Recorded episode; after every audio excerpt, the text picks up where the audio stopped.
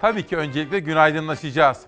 Günaydın, günaydın çok sevgili Çalarsat ailesi.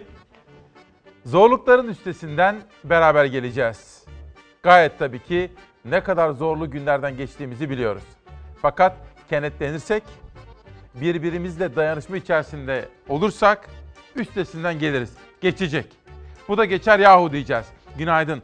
16 Nisan 2020 Perşembe sabahında İsmail Küçükkaya ile hayalini kurduğumuz ilerideki sağlıklı mavi günlere, eski normal günlere, eski güzel mazimizin o hoş günlerine dönmek için mücadele vereceğiz.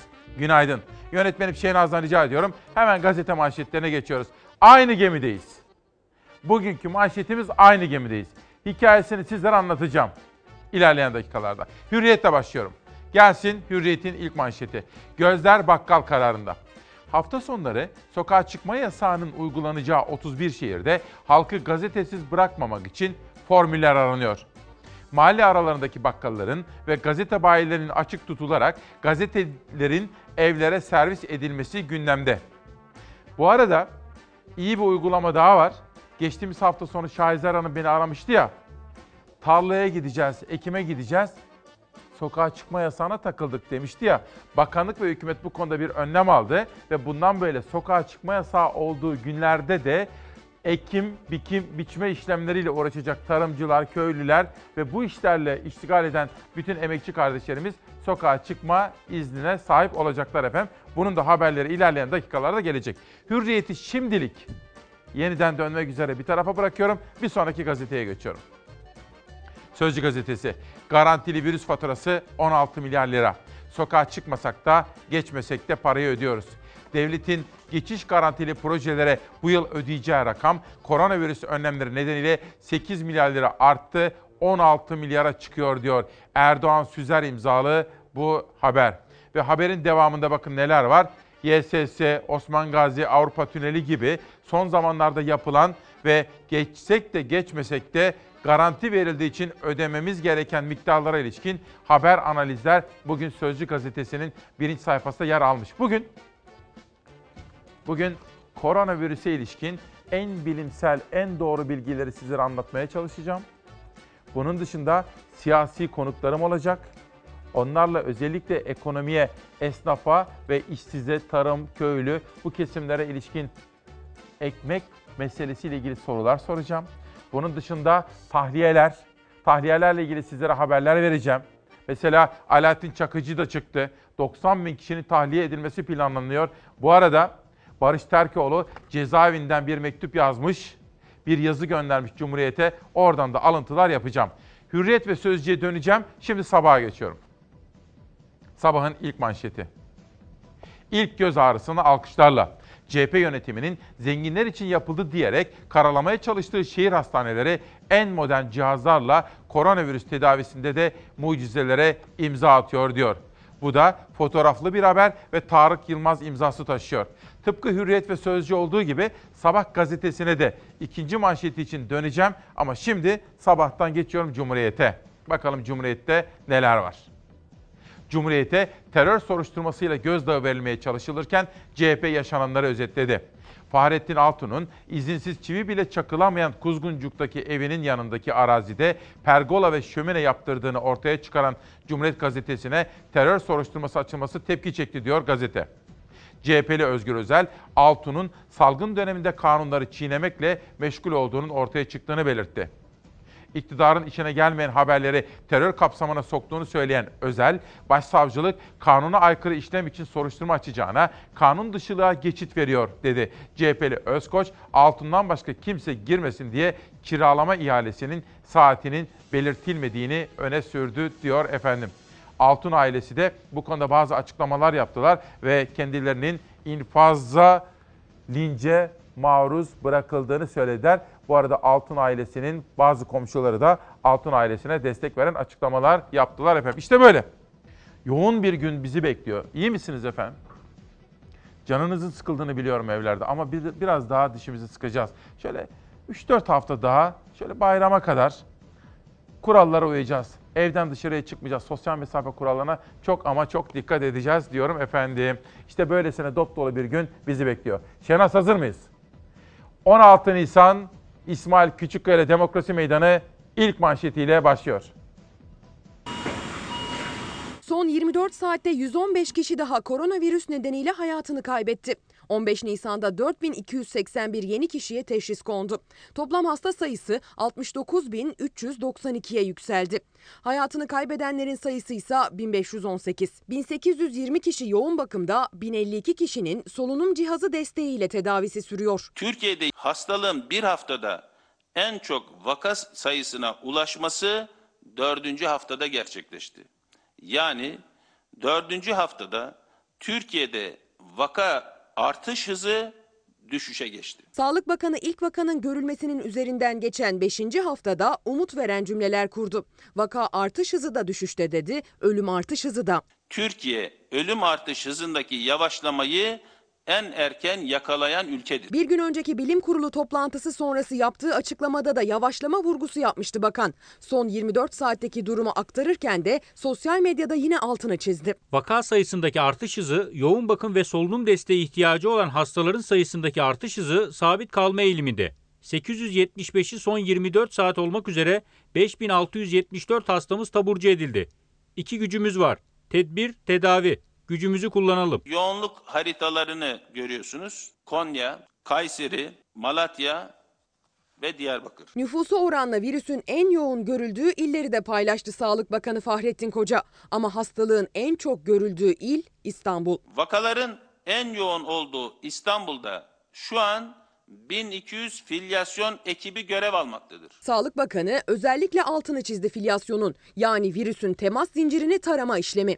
Bugüne kadar tarama çalışmalarında virüs taşıyan bir kişinin ortalama 5 kişiyle temas ettiği anlaşıldı. Pozitif tanı konan hastaların her birinin son 3 gün içinde temas ettiği bütün kişilere ulaşıp onları taramaya çalıştık. Bugüne kadar temas zincirinde yer alan 261.989 kişi tespit edilmiş. Bunların yaklaşık %96'sına ulaşarak takip yapılmıştır. Vaka artış hızının erkenden düşüşe geçmesini biz bu filyasyonla sağladık. Yeni hastalık tespit edilen kişinin temas içinde oldukları tespit ediliyor önce ve zaman kaybetmeden filyasyon ekipleri o kişileri buluyor ve takibe alıyor.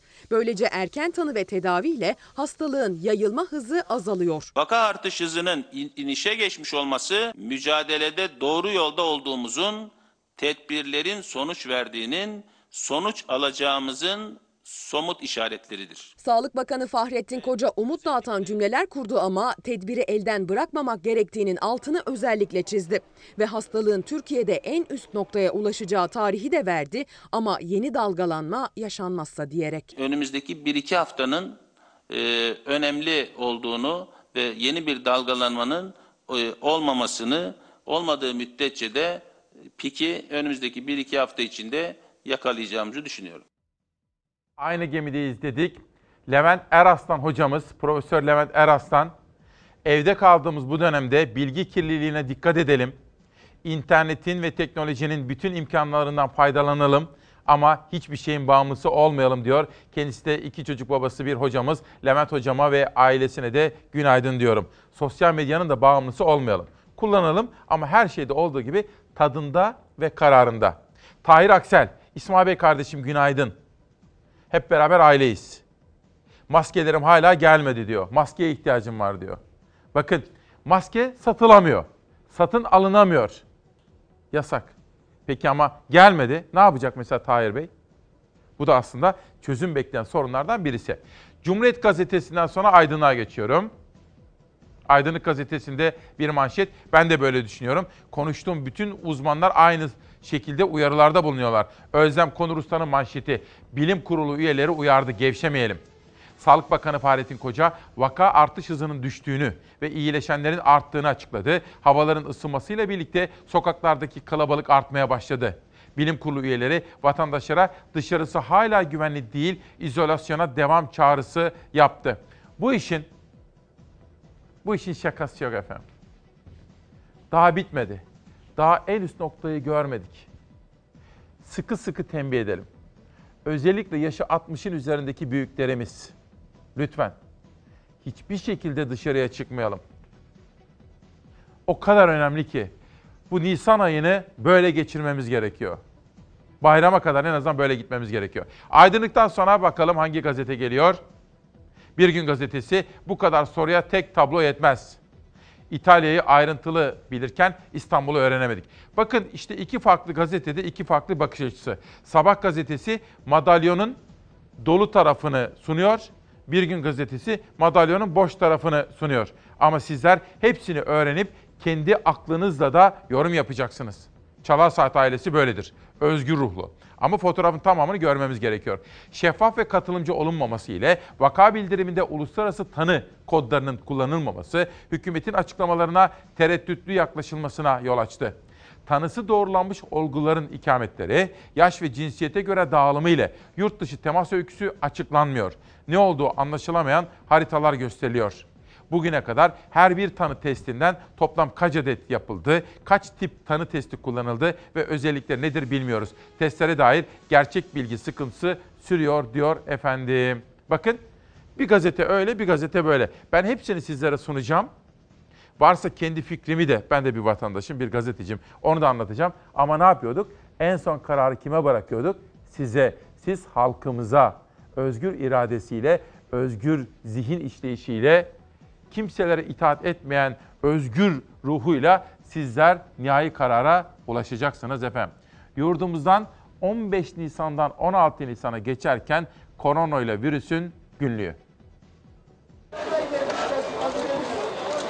Yurt dışından özel izinle kalkan uçaklarla yurda gelenler karantina altına alınmaya devam ediyor. Her yeni gün sokaklara yeni koronavirüs manzaraları yansıyor. Yerel yönetimler vatandaşı evde tutmak ve riski azaltmak için her gün yeni yöntemler geliştiriyor.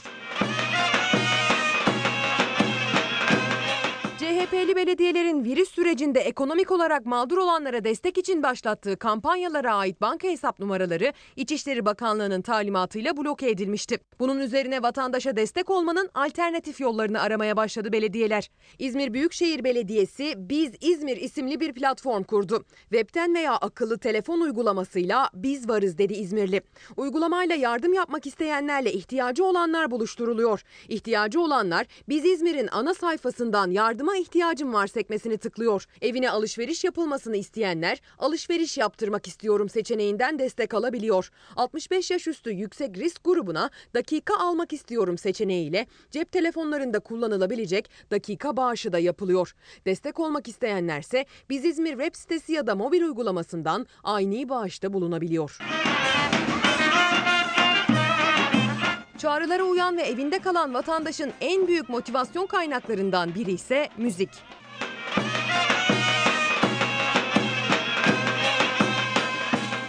Muğla'nın Menteşe ilçesi sokaklarında 9-8'lik ezgilerle neşelendi vatandaş. Muğla Müzisyenler Derneği üyesi romanların sahnesi Menteşe ilçesinin sokaklarıydı.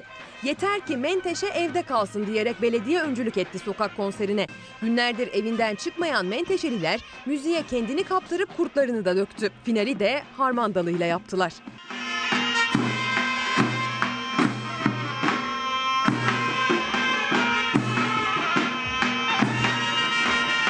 Ankara'da ise bir belediye otobüsünde durumu şüpheli görülen bir yolcu için şoför ambulans çağırdı.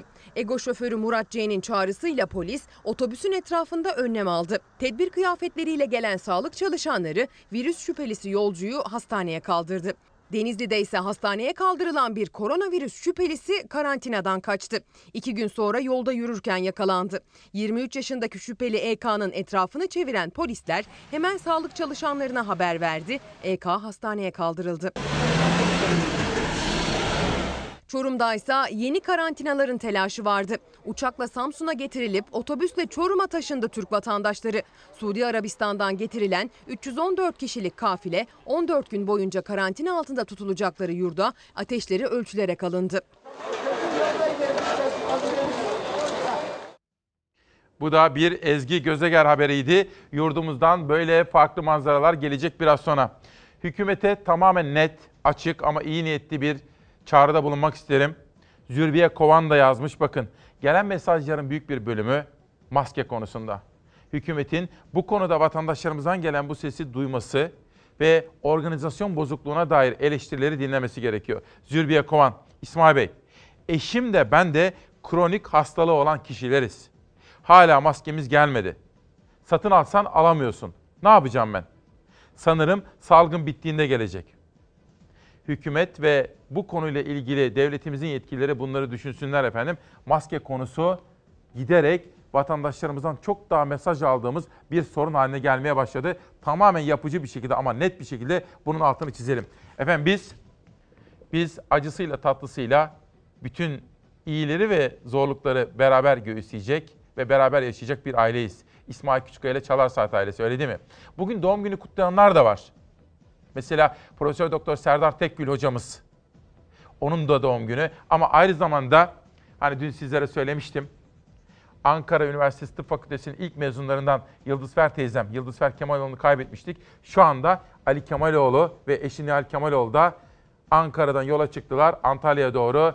Onu da son yolculuğuna uğurlayacaklar efendim. İşte böyle. Biz bir aileyiz. Sevinçte, tasada ve kıvançta birlikte olmamız gerekiyor. İşte dünyanın manşetleri geliyor şimdi sıraya. Financial Times gazetesi. Dünya manşetlerini de Zafer Söken kardeşimle birlikte derleyip toparladık. Ve sıradaki haberi de Beyza Gözeyik hazırladı. Dünyadaki koronayla mücadelenin günlüğüne bakacağız. Önce Financial Times gazetesi. Dün Avrupa'da bazı ülkelerin kısıtlamaları yavaş yavaş gevşetmeye başladığına dair haberleri sizlere anlatmıştık. Bugün Hindistan'dan da böylesine bir haber geldi.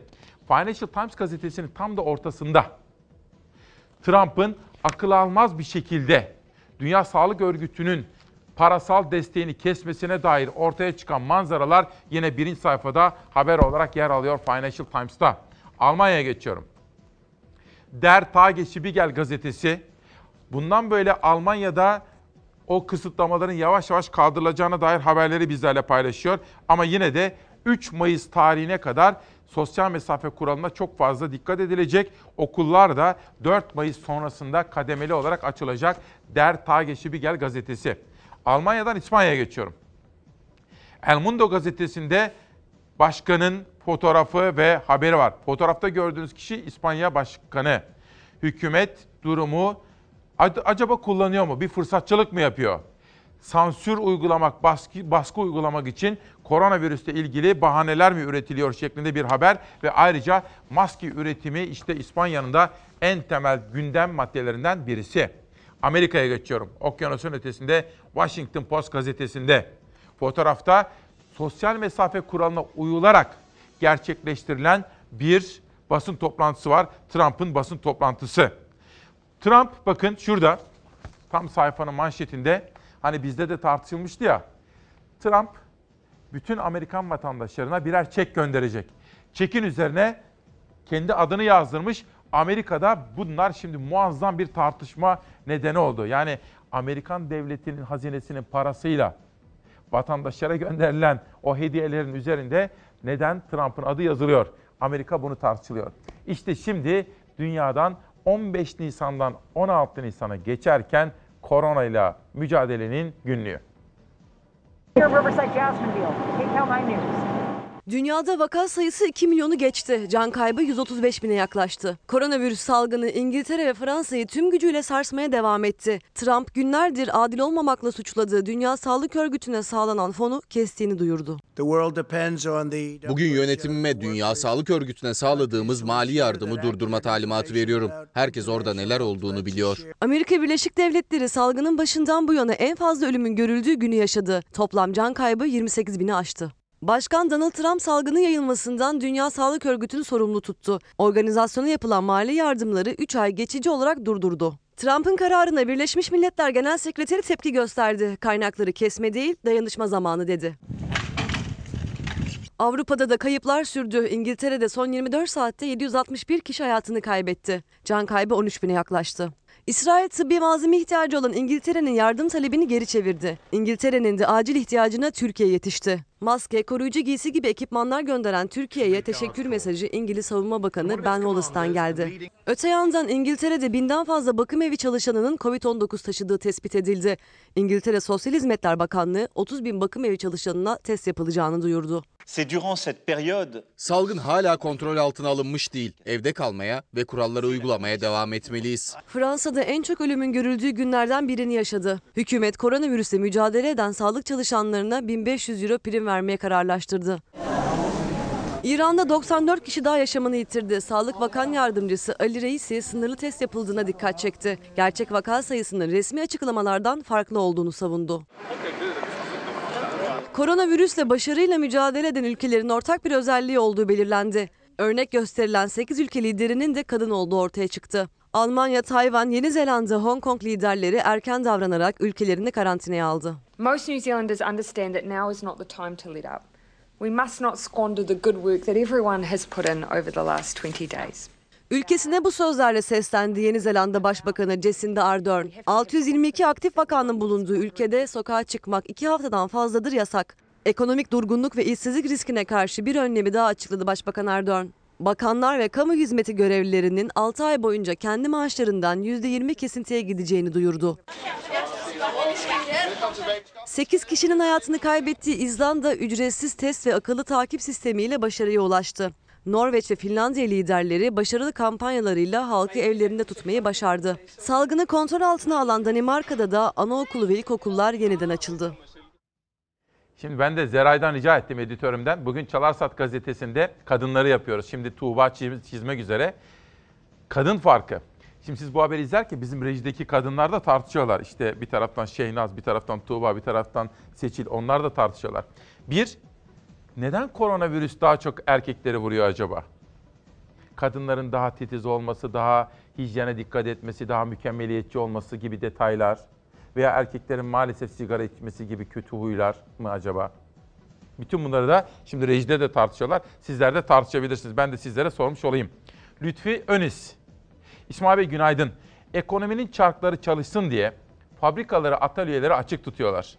Peki oralarda çalışan binlerce insanın sağlığı ve can güvenliğini sağlamak için devletimiz nasıl bir kontrol ve denetim mekanizması kuruyor? Bunu merak ediyorum diyor. İşte bakın.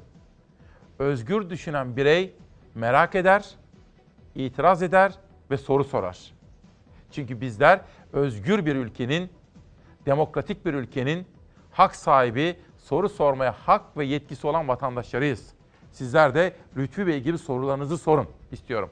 Şimdi manşetlere devam ediyorum. Bir gün gazetesi bu kadar soruya tek tablo yetmez. Hani sabah gazetesi bardağın dolu tarafını gösterdi demiştim. Bir gün gazetesinde de özellikle testler, bilgiler, yeterince şeffaflık var mı şeklindeki soruları gündeme taşımıştı bir gün. Geçelim Karar Gazetesi'ne. Şöyle 5-6 dakika önce sizlere demiştim ki eğer iktidar sahipleri bizi dinliyorlarsa ki dinliyorlar, bu maske meselesinin ne kadar önemli olduğunu düşünmeleri gerekiyor. Burada bir hata yaptık. Parayla maske satılmayacak demek ama akabinde biz size yollayacağız demek. Fakat hala bize yazan vatandaşların ifade ettiği gibi bulamamak maskeyi. Peki ne yapacak vatandaş? Bu aslında bir sorun. İyi niyetli bir şekilde bunu gündeme getiriyorum ama bunu çözsünler. Vatandaş parasıyla alamıyor. E devlet de gönderemedi daha. E kolay da değil 80 milyon. Ama buna daha pratik bir çözüm bulmamız gerekiyor. Benden bunu söylemesi. İşte karar. Maskeye hala çare bulamadık diyor. Türkiye'de maske sıkıntısı olmamasına rağmen dağıtımdaki tıkanıklık aşılamıyor. Satış yasağından sonra PTT ile dağıtım sistemi çöktü. Eczaneden alım formülünde de sıkıntılar arttı. Telefonlara kod gelmediğini belirten vatandaşlar ne parayla alabiliyoruz ne kod var. Çaresiz kaldık dedi. Virüs de pik noktasına yaklaşılırken soruna acil çözüm çağrıları yükseldi. Bakın Cemal Engin Yurt bence akıllıca bir şey söylüyor. E gönderelim muhtarlara diyor. Mahalleliyi en iyi kim bilir? En yakın kim? Ha Ekrem İmamoğlu da söylüyor ama ona vermezler. Tamam. Hani diyelim tamam CHP'lilere, İyi Partililere falan vermez. Peki tamam. Muhtarlara versinler. Cemal Engin Yurt'un önerisi o zaman gündeme gelsin diye ben buradan dile getirmek istiyorum efendim. Karardan sonra bir sonraki manşete geçelim. Ha bu arada bir anons yapayım. Türk Eczacıları Birliği Başkanı yarın İsmail Küçükkaya ile Demokrasi Meydanı'na gelecek ve bütün bu yaşadıklarımıza dair sorunları, tespitleri, önerileri ve çözüm maddelerini tartışacağım kendisiyle. Karardan pencereye geçiyorum. Gazete pencerede herkes çıktı onlar kaldı. Açık söyleyeyim. Ben sevincini de hayal kırıklığını da sizlerle paylaşan birisiyim. Çünkü kiminle paylaşacağım? Ben üzüntülüyüm. Üzüntülü olduğu kadar hayal kırıklığı içerisindeyim. Ve bir o kadar da mutsuzum bu konuda. Bakın. Barış Pehlivan Barış Terkoğlu tutuklu. Murat Ağırel tutuklu. Hülya Kılınç tutuklu. Ferhat Çelik tutuklu. Aydın Keser tutuklu. Bunlar gazeteciler. Peki şimdi bugün mesela pek çok tahliyeler oldu. 90 bine yakın tahliye. Gece yarısında Alaaddin Çakıcı da tahliye oldu. Soru şu. Gazeteciler neden hala tutuklu?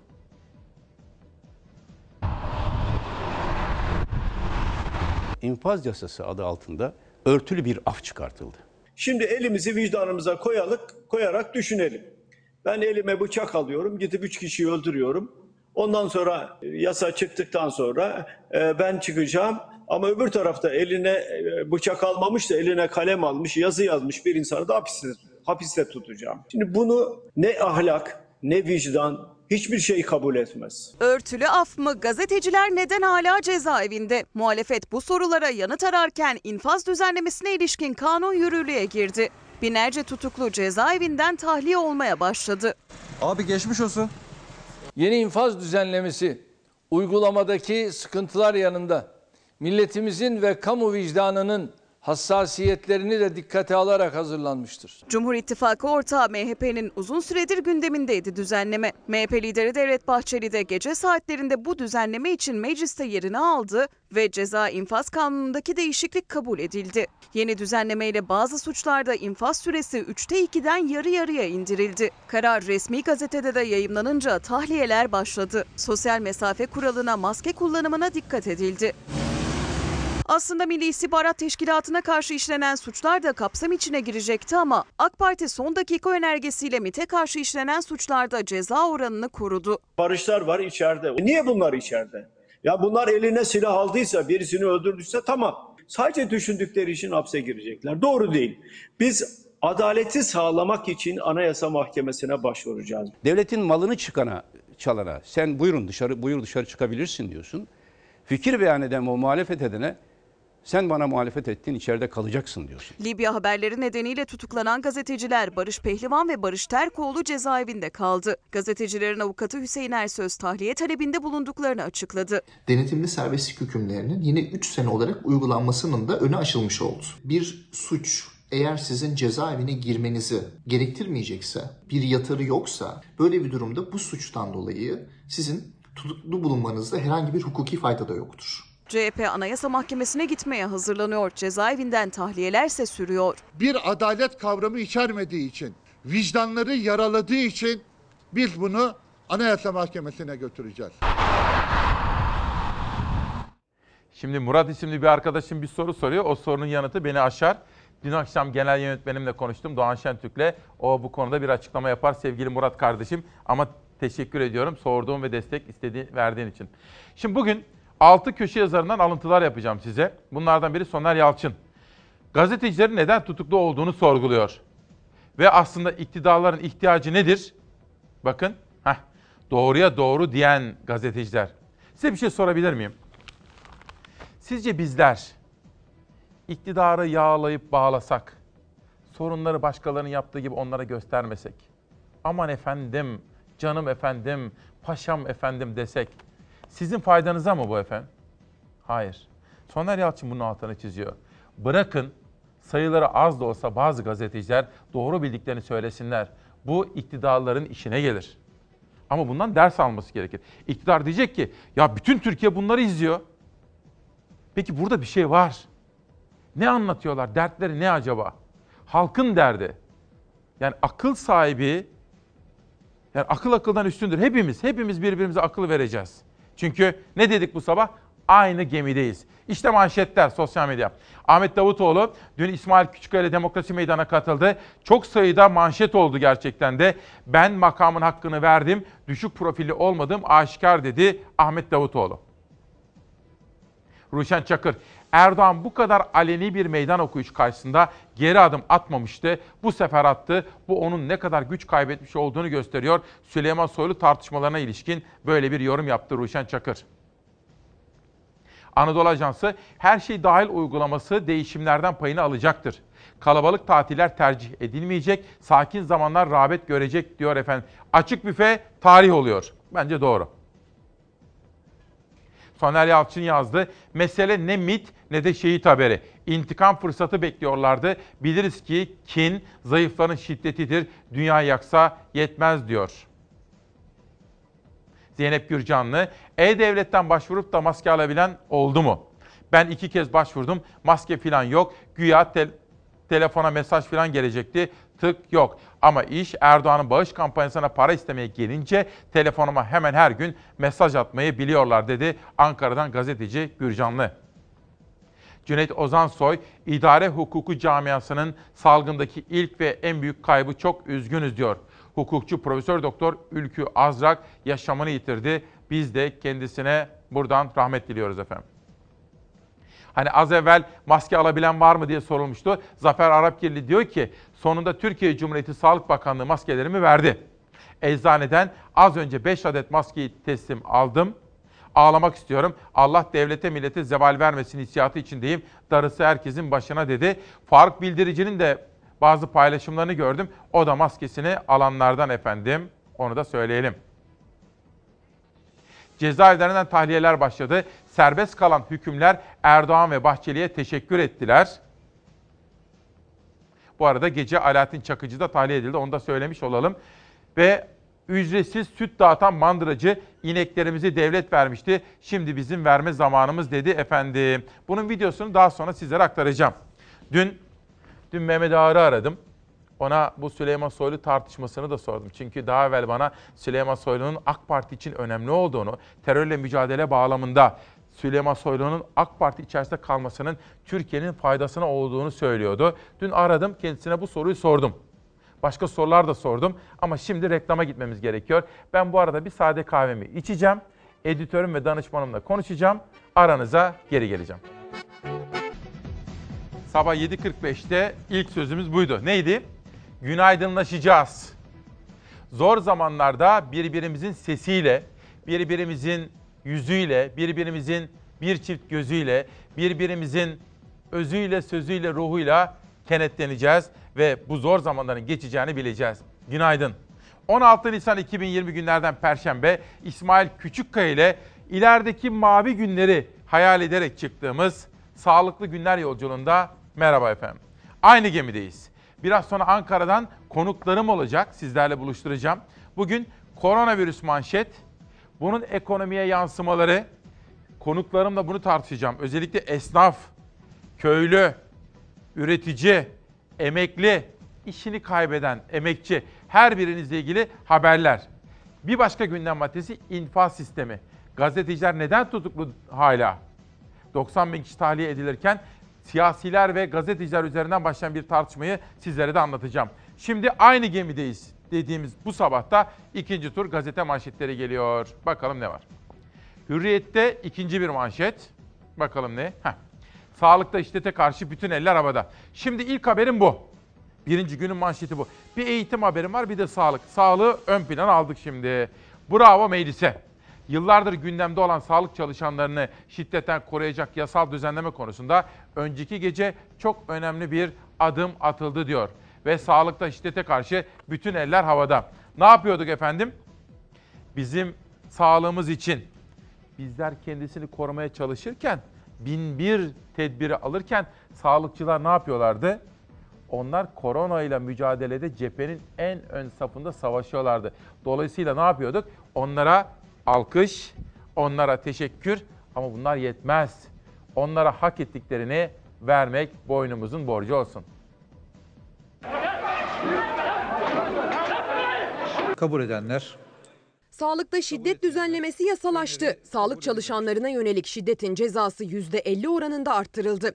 Buna göre şiddet uygulayanlara hapis cezası verilecek. Cezalar ertelenmeyecek, hükmün açıklanması geri bırakılmayacak. Sağlıkta şiddetin önlenmesi yasası teklifi Yüce Meclisimizde grubu olan tüm partilerin mutabakatıyla gündeme alınıp yasalaştı. Sağlık çalışanlarını şiddetten korumaya yönelik bugüne dek en kapsamlı yasanın çıkmasında katkısı olan tüm vekillerimize teşekkür ediyorum. Sağlık Bakanı Başkanı Fahrettin Koca sosyal medyadan teklifi yasalaştıran tüm vekillere teşekkür etti. Meclis Genel Kurulu'nda oylanan düzenlemede 315 milletvekili oy kullandı. 290 milletvekili kabul, 25 milletvekili ise red oyu kullandı.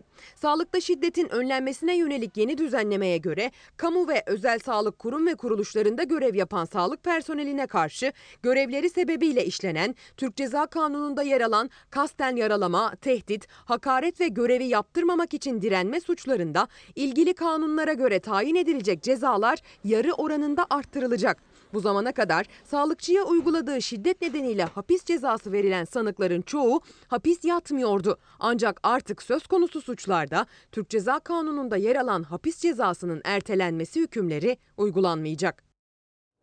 Şimdi Alim Topaç diyor ki aynı gemideyiz ama diyor galiba gemi su alıyor diyor. Kadir, abicim günaydın ben yeşil kartlıyım ve iki yıldır işsizim. Gündelik işlerde çalışıyordum. Virüs nedeniyle iş bulamıyorum.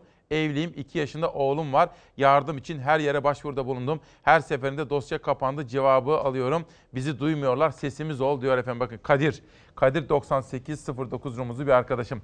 Serdar Turgut biliyorsunuz Ciner grubunun sitesinde, Habertürk'te. O da Amerika'dan yazıyor. Bugünlerde de o mizah yazıyor. Tabii içinde bulunduğumuz dönem ağır koşullar var ve hepimizin psikolojisi olumsuz etkilendi ya. Serdar Turgut da annen nasıl diye yazmış. Çok teşekkür ediyorum. Biraz evvel bizim kuaför kardeşimiz Halit de sordu. Abi anne nasıl dedi. Annem iyi. Hiç dışarıya çıkmadı daha. Hiç inanın. Ama erkek kardeşim İlyas da onun her türlü ihtiyacını karşılıyor. Tabii dostlarımız da var sağ olsunlar. Onlara çok teşekkür ediyorum. Sürekli arıyorlar.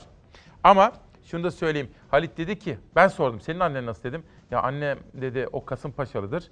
Annem dedi sürekli dışarı çıkmak istiyor. Söz dinlemiyor. Hayır çıkmayın efendim. Bakın lütfen lütfen dışarıya çıkmayınız. Daha zirveyi görmedik.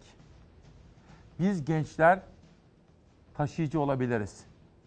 Siz yaşı büyüklere bulaştırırız. Sizi korumamız gerekiyor. Sizde yok da biz size bulaştırmayalım. Onun için sizi korumaya gayret ediyorum. Başta Leyla anne olmak üzere bütün anneleri de buradan saygıyla selamlıyorum. Hürriyetten geçelim karara. Karardan bir manşet. İntikam için şehrin üstüne gidiyorsunuz. CHP liderinden hangi üniversiteleri kurtarmadınız ki tepkisi? Kılıçdaroğlu infaz düzenlemesi konusunda eline bıçak alan dışarı çıkıyor. Kalem tutan hapiste kalıyor. Bunu hiçbir vicdan kabul etmez diyor. Şehir Üniversitesi'nin kapatılması konusunda CHP lideri diyor ki üniversite kurulmuş, çalışıyor. Öğrencileri, akademik kadrosu var, borçları var, olabilir. Siz hangi üniversiteleri kurtarmadınız ki? diye bir soru soruyor. 22 milyon doları Amerika'daki Türken Vakfı'na verdiniz. Kalkıp şehir üniversitesinin üzerine gidiyorsunuz. Niçin? Geçmişte yanımızda ama bugün karşımızda olan ekip var. Bunlardan intikam alacağım. Bu anlayış doğru değil diyor CHP lideri Kılıçdaroğlu. Karar Gazetesi'nde bir manşet daha var efendim gelsin. Gece yarısı kapatma bir hukuk katliamı. Dün İsmail Küçükkaya Demokrasi Meydanı'na katılan Ahmet Davutoğlu gündem yarattı. Gerçekten bugün pek çok gazetede köşe yazısı var onunla ilgili. İnternet sitelerinde, haber sitelerinde de pek çok manşet gördük kendisine dair. Davutoğlu ne diyor? 2016'daki istifa süreci hakkında. Bunu ilk kez söylüyorum. Bütün teşkilatlar izin verin sizinle birlikte istifamızı verelim dedi. Ama kabul etmediğini çünkü itidalli davrandığını söylüyor Davutoğlu. İnfaz düzenlemesi konusunda bilinçli anayasal bypass var. İktidar af dememek için genel af yoluna gitmedi. Yararlanacak kişilerde seçici davranıldı. Şehir Üniversitesi'ni de sordum kendisine. Ahmet Davutoğlu şöyle yanıtladı. Mecliste gece yarısı kararıyla üniversitenin kapatılması bir hukuk katliamı. Millet can derdindeyken bunun yapılması da son yüzyılın en büyük siyasi ahlaksızlığı dedi. Az evvel sizlere bir eğitim manşeti, bir sağlık manşeti sunmuş ve eğitim haberini de biraz sonra aktaracağımı söylemiştim. Şenaz hazır mıyız? Hazırız. Sağlıktan eğitime. Hazırlığımızı yaptık, çantasını da alacak. E, masasını da hazırladık. Saat 9'da ekran başında olacağız inşallah. Çok hangisinden var? Yıldız mı? Rakam mı yoksa harf mi? Koronavirüs pandemisi dünyayı sardı. Dünya genelinde uzmanlar virüs yayılımının önüne geçmek için hareketliliği azaltın, hayatı yavaşlatın dedi. Okulların kapatılıp eğitimin uzaktan sürdürülmesi alınan başlıca tedbirlerden biriydi. Öğrencilerin uzaktan eğitim süreci devam ediyor ama her yaştan öğrencinin ve öğretmenin en çok merak ettiği sorulardan biri mecliste yanıt buldu. Yaz tatilinde telafi eğitimi yapılacak. Meclis teklifi genel kurulda kabul etti. Bütün yaz telafi eğitimiyle mi geçecek sorusu geldi akıllara bu kez. Milli Eğitim Bakanı Ziya Selçuk akıllardaki soruyu sosyal medyadan yanıtladı. Türkiye Büyük Millet Meclisi'nde kabul edilen telafi eğitimi düzenlemesi kısmi ve hızlandırılmış bir telafi sürecini tanımlamaktadır. Dönemin bütün bir şekilde tekrarı veya yaz tatilinin ortadan kalkması söz konusu bile değildir. Çocuklarımızın yaz tatilini doyasıya yaşamasını ümit ediyoruz. İlk ve orta dereceli okulların öğrencileriyle üniversite öğrencileri için bir telafi eğitimi planlanmasının önünü açan teklif mecliste kabul edildi ama Bakan Selçuk yaz tatilinin ortadan kalkması söz konusu bile değildir dedi paylaşımında. Yükseköğrenim Kanunu'yla bazı kanunlarda değişiklik yapılmasına dair kanun teklifiydi kabul gören. Kabul edilen bu kanun teklifine göre öğrenim faaliyetlerinin iki haftadan fazla süreyle yapılamaması halinde uygulanacak telafi programlarının ders yılı içinde tamamlanamadığı durumlarda eğitim yaz tatilinde yapılabilecek. Öte yandan Milli Eğitim Bakanlığı'nca öğretmenlerin izinleri kısaltılabilecek. Koronavirüsten korunmak için tedbir amacıyla evimizdeyiz. Türkiye koronavirüs mücadelesinde uzaktan eğitim sürecini başlatan ilk ülkelerden biri oldu. Çocukların öğrenimden soğumaması ve öğrendiklerini unutmaması için uzmanların şart olarak gördüğü bir sistem uzaktan eğitim. Öğrenciler bugünlerde televizyondan ve varsa bilgisayarıyla eğitim bilişim ağı üzerinden bilgilerini taze tutmak için derslere giriyor. Ancak öyle görünüyor ki bütün yazı kapsayacak şekilde olmasa bile yaz tatili olarak planlanan sürenin bir kısmında okula gitmeleri gerekebilir. Bir eğitim, bir sağlık haberi. Biraz sonra Ankara'dan siyasi konuklarım olacak efendim. Bu arada bakın bence şu önemli bir mesaj. Ahmet Aşçıoğlu, Sayın İsmail Bey bu maske işinde kod beklemeye ne gerek var? Sipariş vermeye ne gerek var? Her vatandaşın TC kimlik numarası yok mu? Bu numara kişiye özel değil mi? Sadece bu numara yeterli değil mi diye soruyor. Bakın son derece doğru. Eğer iktidar sahipleri bizi izliyorlarsa sabah söyledim ama bu maske meselesi halkımızı rahatsız etti iyi niyetli bir karar satılmasın ama ne yapacak vatandaş? Şimdi bu kararı alanlar bize şunu açıklasınlar. Maske satılmasın demek güzel peki. Ama yok maske ne yapacağız? Otobüse binecek, toplu taşıma binecek, fabrikaya gidecek. Fabrika demişken sabah bir arkadaşımız sormuştu. Reklam arasında Ahmet Balcı aradı beni. Bu devlette müsteşar yardımcılığı, müsteşarlık görevlerinde bulunmuş bir isimdir. İsmail Bey dedi, şu anda inanın en fazla tedbir fabrikalarda alınıyor. Anlattı tek tek tek tek tek tek. Şundan dolayı hiçbir işletme herhangi bir çalışanında böyle bir virüsün çıkmasını istemiyor, bulaşmasını istemiyor. O nedenle termal kameralardan tutun, sürekli değişen maskelere kadar bilmiyorum. Ama Ahmet Balcı devlette uzun yıllar görev yapmış bir isimdir. Ve bir kitap geldi, imzalı bir kitap. Kendisine çok teşekkür ediyorum. Türk siyasetinin tanınmış ismi. Şu anda da AK Parti'nin en etkili isimlerinden biri. Türkiye'yi yarınlara taşımak Numan Kurtulmuş yazmış. Ben de kendisini Ankara'daki günlerinden de tanırım. Has Parti kuruluş günlerinde de röportajlar yapardık.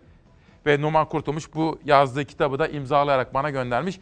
Daha bugün geldi elime ama hafta sonunda nasıl evdeyiz okuyacağım sizlere yorumlarımı da aktaracağım efendim. Karardan geçiyorum Dünya Gazetesi'ne. Dünya Gazetesi'nin manşetinde sipariş depoda kaldı, ihracatçı ödeme alamıyor. Yener Karadeniz imzalı bir manşet. Salgın nedeniyle 5 milyar dolar alacağını tahsil edemeyen tekstil ve giyim sektörü stok maliyeti sorunu da yaşıyor diyor. Türkiye Giyim Sanayicileri Derneği bu konuda bazı açıklamalarda bulunmuş ve hükümetten destek istediklerini belirtmiş efendim. Dünyadan bir haber daha var, o da gelsin. Düzenleme mecliste kabul edildi. Varlık fonu zordaki stratejik şirketlere ortak olabilecek bir dizi ekonomik destek ve önlemler içeren torba yasa teklifinin Türkiye Varlık Fonu'na ilişkin maddeleri parlamentoda kabul edildi. Düzenleme, Türkiye Varlık Fonu'nun COVID-19 pandemisi nedeniyle zor duruma düşen enerji, telekomünikasyon ve altyapı gibi stratejik sektörlerdeki şirketleri satın alabilmesini ya da bunlara ortak olmasını kolaylaştıran hükümler içeriyor diyor efendim. Şimdi burada bir çift uyarımız olması gerekir. devletimizin pandemi yani salgın nedeniyle zora düşen büyük işletmelere, küçük işletmelere destek olması zorunludur. Ama bunu o şirketleri devletleştirerek yapmasınlar. O şirketleri ayakta tutacak teşvik mekanizmalarını, destek sistemlerini kursunlar efendim. Yoksa sermayenin ya da mal varlığının el değiştirmesi gibi bir durumla karşı karşıya kalmayalım diyorum. Bugünlerde hiç unutmamamız gereken kesimler, sağlıkçılar. Hiç düşünüyor musunuz? Mesela hemşiresiniz, hasta bakıcısınız, bir hastanede temizlik görevlisiniz, idari çalışansınız. Mesela bir hastanede doktorsanız, cerrahsınız, yoğun bakımdasınız. Hiç, hiç düşünüyor musunuz?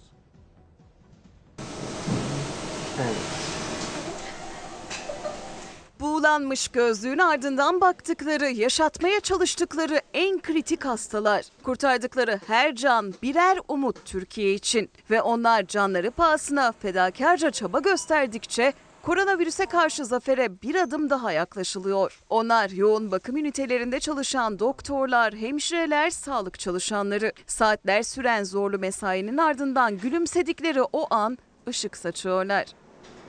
Evet endişelerimiz var.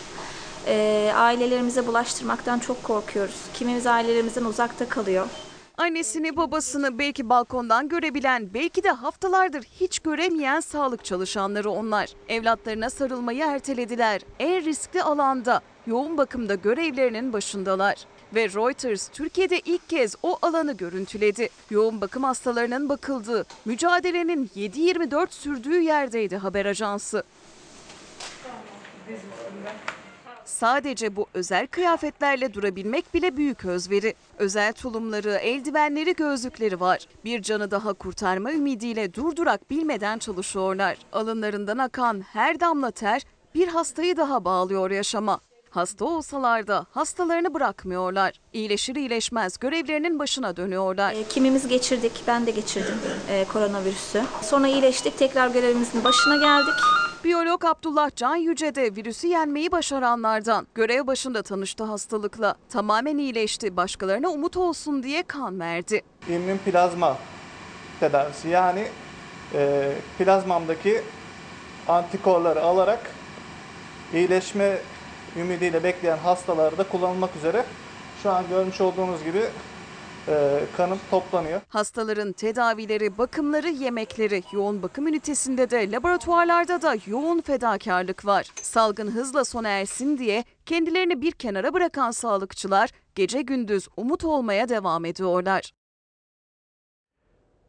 Fatih Yıldırım, İsmail Bey diyor sağlıklı insanın maske takmasına gerek yok kısmından maskesiz dışarıya çıkmayın durumuna ne zaman geldik diyor. O savrulmadan bahsediyor. Ama sevgili kardeşim şöyle gün be gün şartlar değişiyor.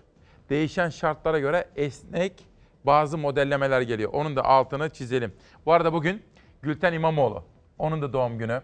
Hani az evvel Serdar Tekgül hocamızı söylemiştim. Doğum günü kutlayanlar. Meslektaşımız Gözde Atasoy Kökçü. O doğum günü kutluyor. Ankara'dan Arzu Kesenek.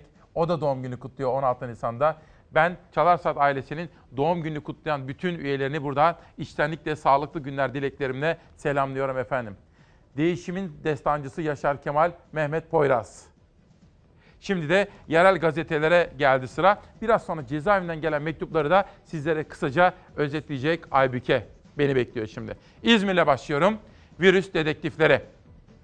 Filyasyon uygulamasını yürüten İzmir'deki merkeze yeni asır ulaştı. Merkezdeki yaklaşık 800 kişi pozitif vakalarla temas edenlerin peşine düşüyor. Dedektif gibi iz süren ekip bugüne kadar 51 bin temaslıyı belirledi, kayıt altına girmelerini sağladı diyor. Savaş Yıldız kardeşimle birlikte seçtiğimiz yerel gazete manşetlerinde İzmir'den Diyarbakır'a geçiyorum. Tigris gazetesi validen 10 bin işsize can suyu. Vali Güzeloğlu'ndan sağlık müdürüne test talimatı günlük bin tanenin altına düşmesin diyor. Hadi gelin yeni döneme geçelim. Yeni bir dönem. Çarşı esnafı zor durumda diyor Bursa gazetesi. Bizim neyimiz eksik diye söylüyorlar. İstanbul ve Edirne'de bulunan tarihi çarşılarda kira ödemelerinin ertelendiğini belirten Bursa Tarihi Çarşı ve Hanlar Bölgesi esnafı biz de erteleme istiyoruz. Zaten bir aydır kapalıyız. Para kazanamıyoruz dedi ve bu da yeni dönemde manşet. Karadeniz'e geçelim. Ordu olay fırsatçılık yapılıyor. Ordu Bakkallar Odası Başkanı Mustafa Nasuh Beyoğlu, koronavirüsü sonrası pek çok üründe fiyat artışı görüldüğünü belirterek fiyatlardaki artışın doğal bir durum olmadığını söyledi. Çağdaş diyorum, Gaziantep'teyim. Şahin Bey'den esnafa 1000 lira.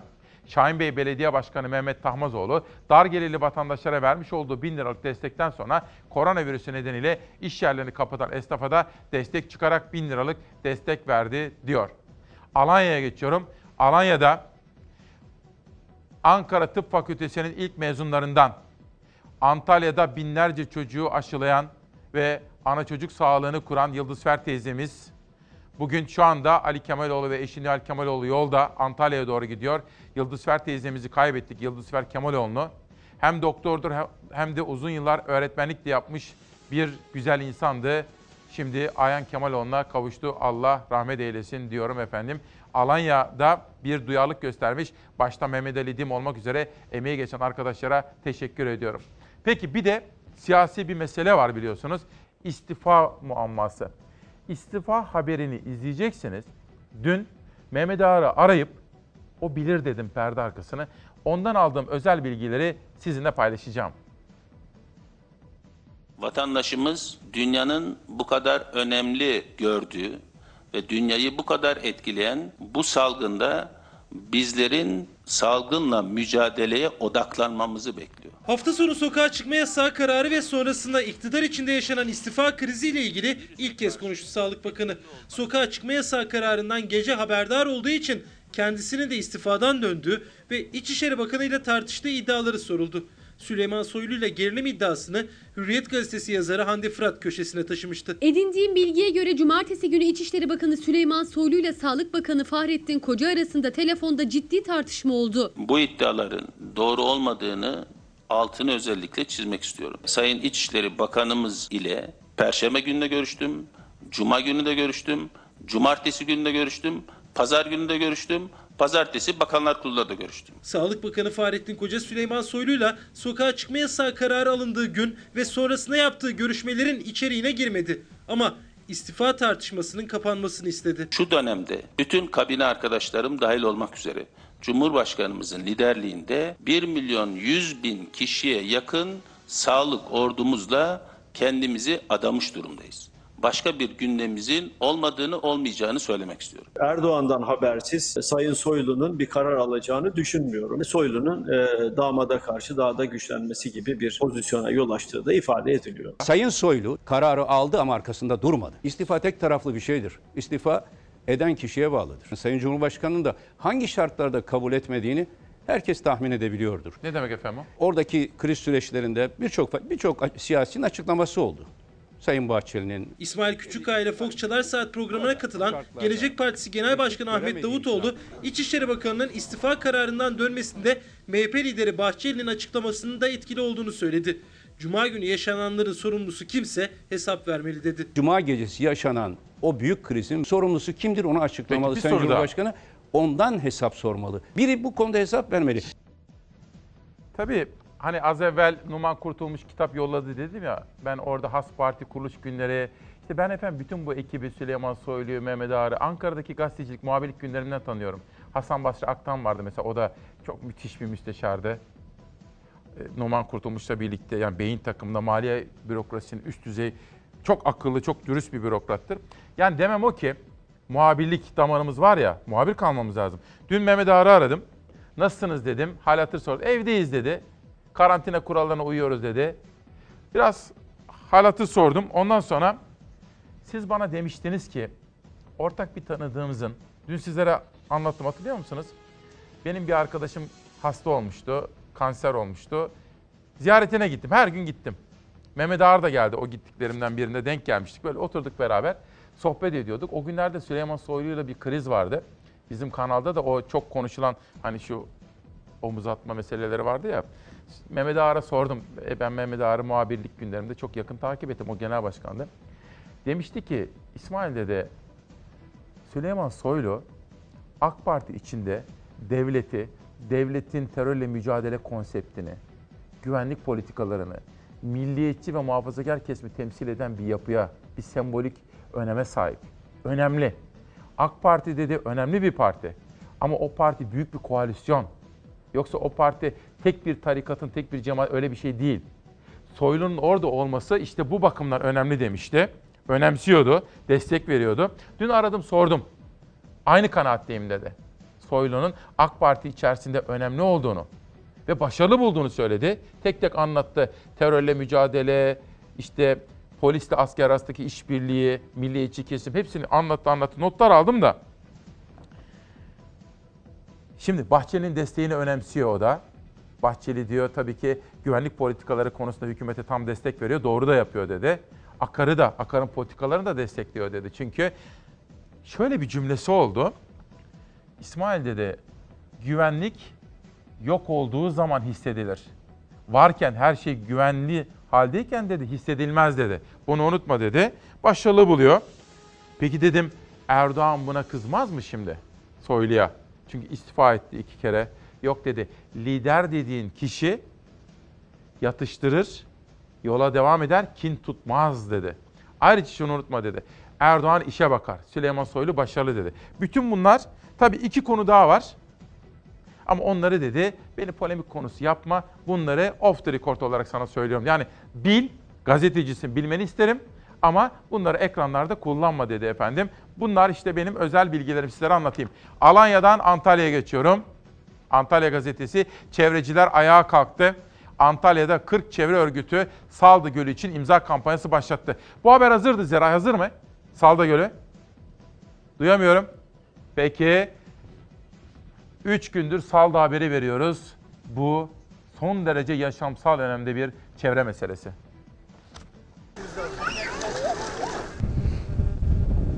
İş makineleri ve kamyonlar çıkarıldı. Ancak geriye bembeyaz kumların üzerinde bıraktıkları izler kaldı. Havadan çekilen görüntüler Salda Gölü çevresinde yaşanan tahribatın boyutunu gözler önüne serdi. Çevre ve Şehircilik Bakanı Murat Kurum yaptığı paylaşımla kamera sistemi kurulduğunu duyurdu. Salda Gölü proje alanına 7 gün 24 saat esasına göre çalışan kamera sistemi kuracağız. Böylelikle dileyen vatandaşlarımız istedikleri her an projemizi internet ortamında izleyebilecekler. Türkiye'nin Maldivleri olarak anılıyor. Bembeyaz kumuyla Salda, Mars gezegeninin yüzey oluşumuna benzerlik gösteren yüzey özellikleriyle dünyadaki iki bölgeden biri. Jeolojik ve kimyasal özellikleri sayesinde pek çok endemik türü barındırıyor. Dünya Doğa Koruma Birliği tarafından koruma altına alınan türlere ev sahipliği yapıyor. Burdur'un Yeşilova ilçesi sınırlarında bulunan Salda'da itirazlara, açılan davalara rağmen Millet Bahçesi kararı verildi. TOKİ'nin Salda Gölü'ne yapılacak Millet Bahçesi ihalesini adı kamuoyuyla paylaşılmayan bir firma kazandı. İşte o firma sessiz sedasız harekete geçti. İş makineleri Salda Gölü'nün beyaz kumlarını kazarak 5 kilometre uzağa taşıyıp depolamaya başladı. Çevre ve Şehircilik Bakanlığı çalışmaları durdurdu ama o zamana kadar kumsaldan alınan kumlar nedeniyle 1 metrelik kot farkı oluştuğu ortaya çıktı. Az önce Çevre ve Şehircilik Bakanı Murat Kurum'la konuştum. Salda'daki görüntülerle ilgili firmaya 650 bin lira ceza kesildi. Daire başkanı, şube müdürü ve uzman görevden alındı. Ayrıca herkesin Salda'yı 7-24 izleyebilmesi için kamera sistemi kuruyoruz dedi. Gazeteciler, topluma mal olmuş tanınmış kişiler, pek çok vatandaş. Sosyal medyadan büyük tepki yükseldi Salda'daki tahribata. Beyaz kumların üzerinde ise kamyon ve iş makinelerinin siyah lastik izleri kaldı. Anlamak ve anlamlandırmak mümkün değil. Bu vandallıkla nereye, bu çevreye karşı duyarsızlıkla nereye diye sormak istiyorum efendim. Dün sanat günüydü. Bedri Baykam'la konuşmuştuk. Evvela dedi kıymetli annemin sana selamları var dedi. Her sabah güne seninle birlikte başlıyor dedi. Bedri Baykam'ın annesini, ayrıca Gülseren anneyi, Serdar Tekgün annesini de onların şahsına bütün anneleri de sevgi ve saygıyla selamlıyorum. Şimdi bugün de cezaevinden gelen mektuplar. Aybüke kardeşim bana yardımcı oldu. Aybüke kimler bize ne yazmış? Efendioğlu Kandıra'dan yazmış. Hapishanedeki sağlık koşullarından bahsediyor. Bu korona artık hani her yere etkilediği için. Kaygılarını dile evet, getiriyor. kaygılarını, streslerini anlatıyor. Belki de tahliye olmuştur şimdi. 90 Belki de, tahliye oldu. tabii. Bu mektup çünkü geçen hafta göndermiş olsa gerek bize. Evet. Yeni bugün geçti elimize. Ee, bir diğer mektupta Naim Gürbüz'de Soner Öz diye iki mahkumdan geliyor Nevşehir'den. Dedikleri şey e, sizin en doğru haberi, en doğru sözleri söylediğiniz hakkında. Görevimiz. İnfaz yasasının aslı nedir diye size soruyorlar aslında. Tamam peki. Çok teşekkür ediyorum. Ne Sağ ol. demek. Şimdi ben Mesela Mehmet Ağar'a bunu da sordum. Dedi ki tabii Devlet Bahçeli bunu gündeme getirdi dedi. Fakat dikkat edersen ne kadar sakin. Bekledi, tartıştı ama iktidar da ona tam destek verdi. Yani iyi bir koalisyon işbirliği sergilediler dedi. Şunu unutma dedi. Bu af, infaz sisteminde değişiklik, bu ve benzeri açıklamalar diş macunu gibidir. Tüpten biraz dışarı çıkınca bir daha geri girmez dedi. Dolayısıyla cezaevlerinde kapasite aşımı vardı. Hatalıdır, doğrudur, yanlışları vardır ama dedi bu dedi gerekli bir hamleydi dedi. Dolayısıyla Mehmet Ağar bunları da söyledi. Efendim bu arada bir şehidimiz var. Bir görsel hazırlattım. Aynı gemideyiz dediğimiz Türkiye'mize bakın bugün başsağlığı dilemek istiyoruz. Sizi toprağa değil yüreğimize gömdük. Vatan size minnettardır. Muhammed Fatih Durhan, Deniz Piyade Uzman Çavuş. Silah arkadaşımız, biraz aşağıya doğru dönelim arkadaş. Heh, bravo yazıyı kaldıralım ama gülü çekeyim bir dakika. Çok özür.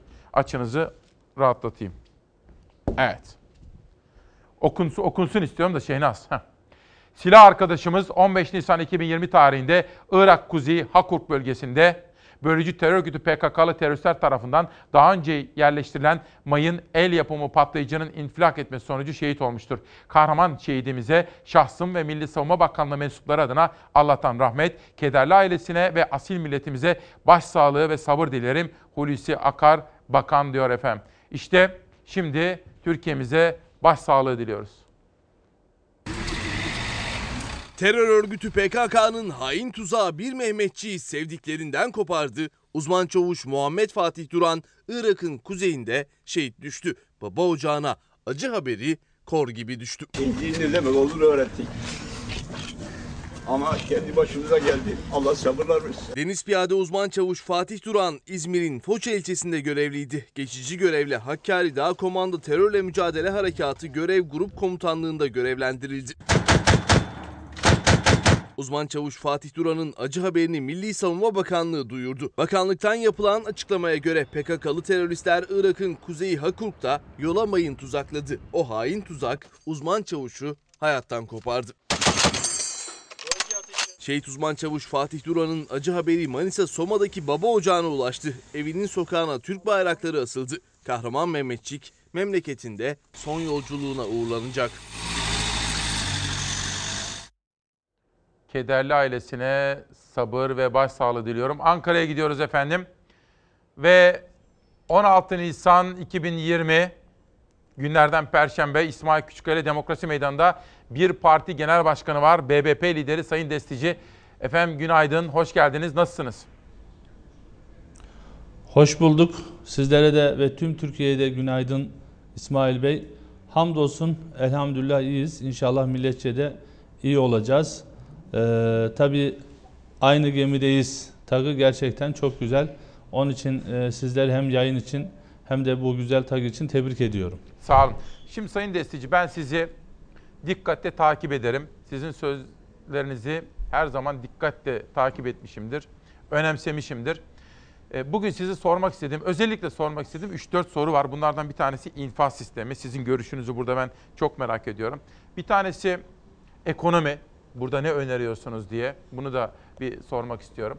Bunun dışında yine çiftçimize dair ki siz de çiftçileri yakından bilen, o dünyanın içinden gelen bir insansınız. Ama önce şunu merak ediyorum. Bu koronavirüs günlerinde nasıl geçiyor efendim? Ne yapıyorsunuz? En son sizi bir iki hafta kadar önce bir aradığımda köydeydiniz, çiftlikteydiniz. Ne yapıyorsunuz? Bir anlatır mısınız? İsmail Bey müsaade ederseniz öncelikle ben de şehidimiz e, Muhammed Fatih Durhan'a Allah'tan rahmet diliyorum. Başta kederli ailesi olmak üzere silah arkadaşlarına ve milletimize başsağlığı ve sabır niyaz ediyorum. Tabii şu anda biz koronavirüsle e, bütün dünya milletçe de biz mücadele ederken kahraman güvenlik güçlerimiz, Mehmetçiklerimiz, polislerimiz terörle mücadeleye hiç duraksama vermeden devam ediyorlar. Rabbim onların yar ve yardımcısı olsun, onları mansur ve muzaffer eylesin inşallah diyorum. Tabii e, bugün gerçekten üzüldüğüm e, bir hadise daha oldu. Bir kadın cinayeti daha oldu. Rize Fındıklı'da Gamze Pala. Ben gerçekten çok üzüldüm ve Gamze Pala'ya Allah'tan rahmet diliyorum. Ailesine ve bütün kadınlarımıza başsağlığı ve sabır niyaz ediyorum. Tabii bu infaz yasasının e, çıktığından birkaç gün sonra bu hadisenin gerçekleşmiş olmasını da e, gerçekten büyük bir üzüntüyle karşıladığımı ifade etmek istiyorum. E, yine Manisa Kırkağaç'ta bir deprem oldu yine. Ben bu depremi hisseden bütün vatandaşlarımıza da geçmiş olsun diyorum. Tabii e, koronavirüsten dün itibariyle hayatını kaybeden vatandaşımızın sayısı 1518 oldu. Bütün bu vatandaşlarımıza da Allah'tan rahmet diliyorum. Tabii şu anda hastanede hem yoğun bakımda e, hatta entübe olarak servislerde tedavi gören vatandaşlarımız var. Onlara da Rabbimden acil şifalar niyaz ediyorum. Tabii dün e, mecliste sağlık çalışanlarımıza yönelik şiddete karşı tedbir amaçlı ceza artırımını ve cezaların ertelenmemesini içeren bir kanun yasalaştı.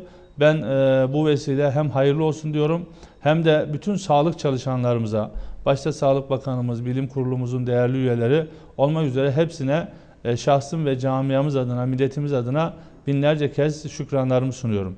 E, tabii biz e, genel programlarımızı büyük oranda iptal ettik. Evet. E, ama normal bir şekilde meclis çalışmalarına katılıyoruz. E, bugün muhtemeldir ki mecliste bu çalışmalarına ara verecek. E, dün e, gece de yine geç saatlere kadar 04'e kadar mecliste çalışmalar sürdü. Burada da yine bu koronavirüsle mücadele kapsamında bir takım ek tedbirler, önlemler, ekonomik paket diyebileceğimiz bir yasa teklifi daha kabul edildi.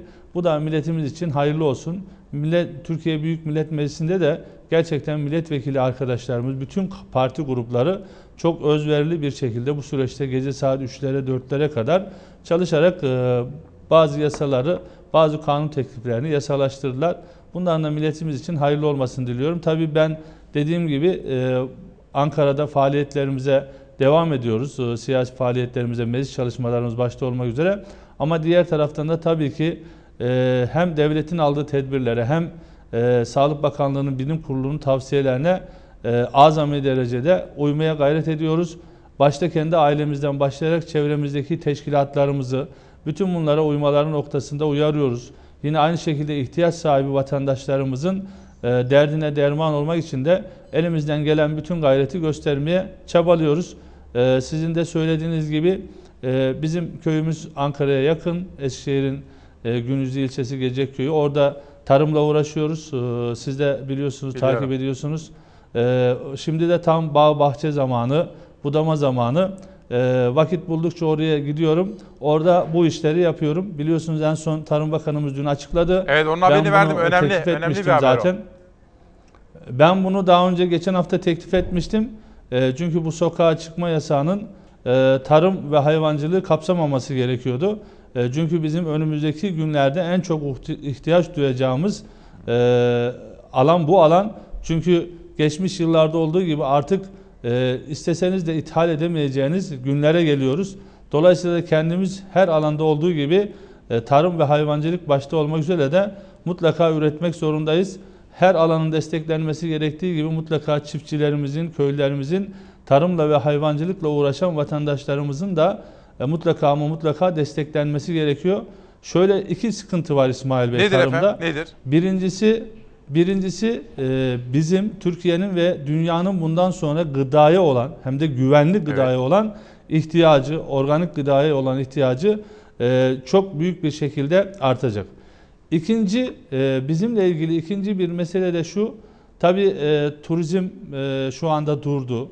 E, efendim iç hareketlenme durdu. Restoranlar kapandı. Dolayısıyla da bazı e, ürünlerde de fazlalık ortaya çıkacak.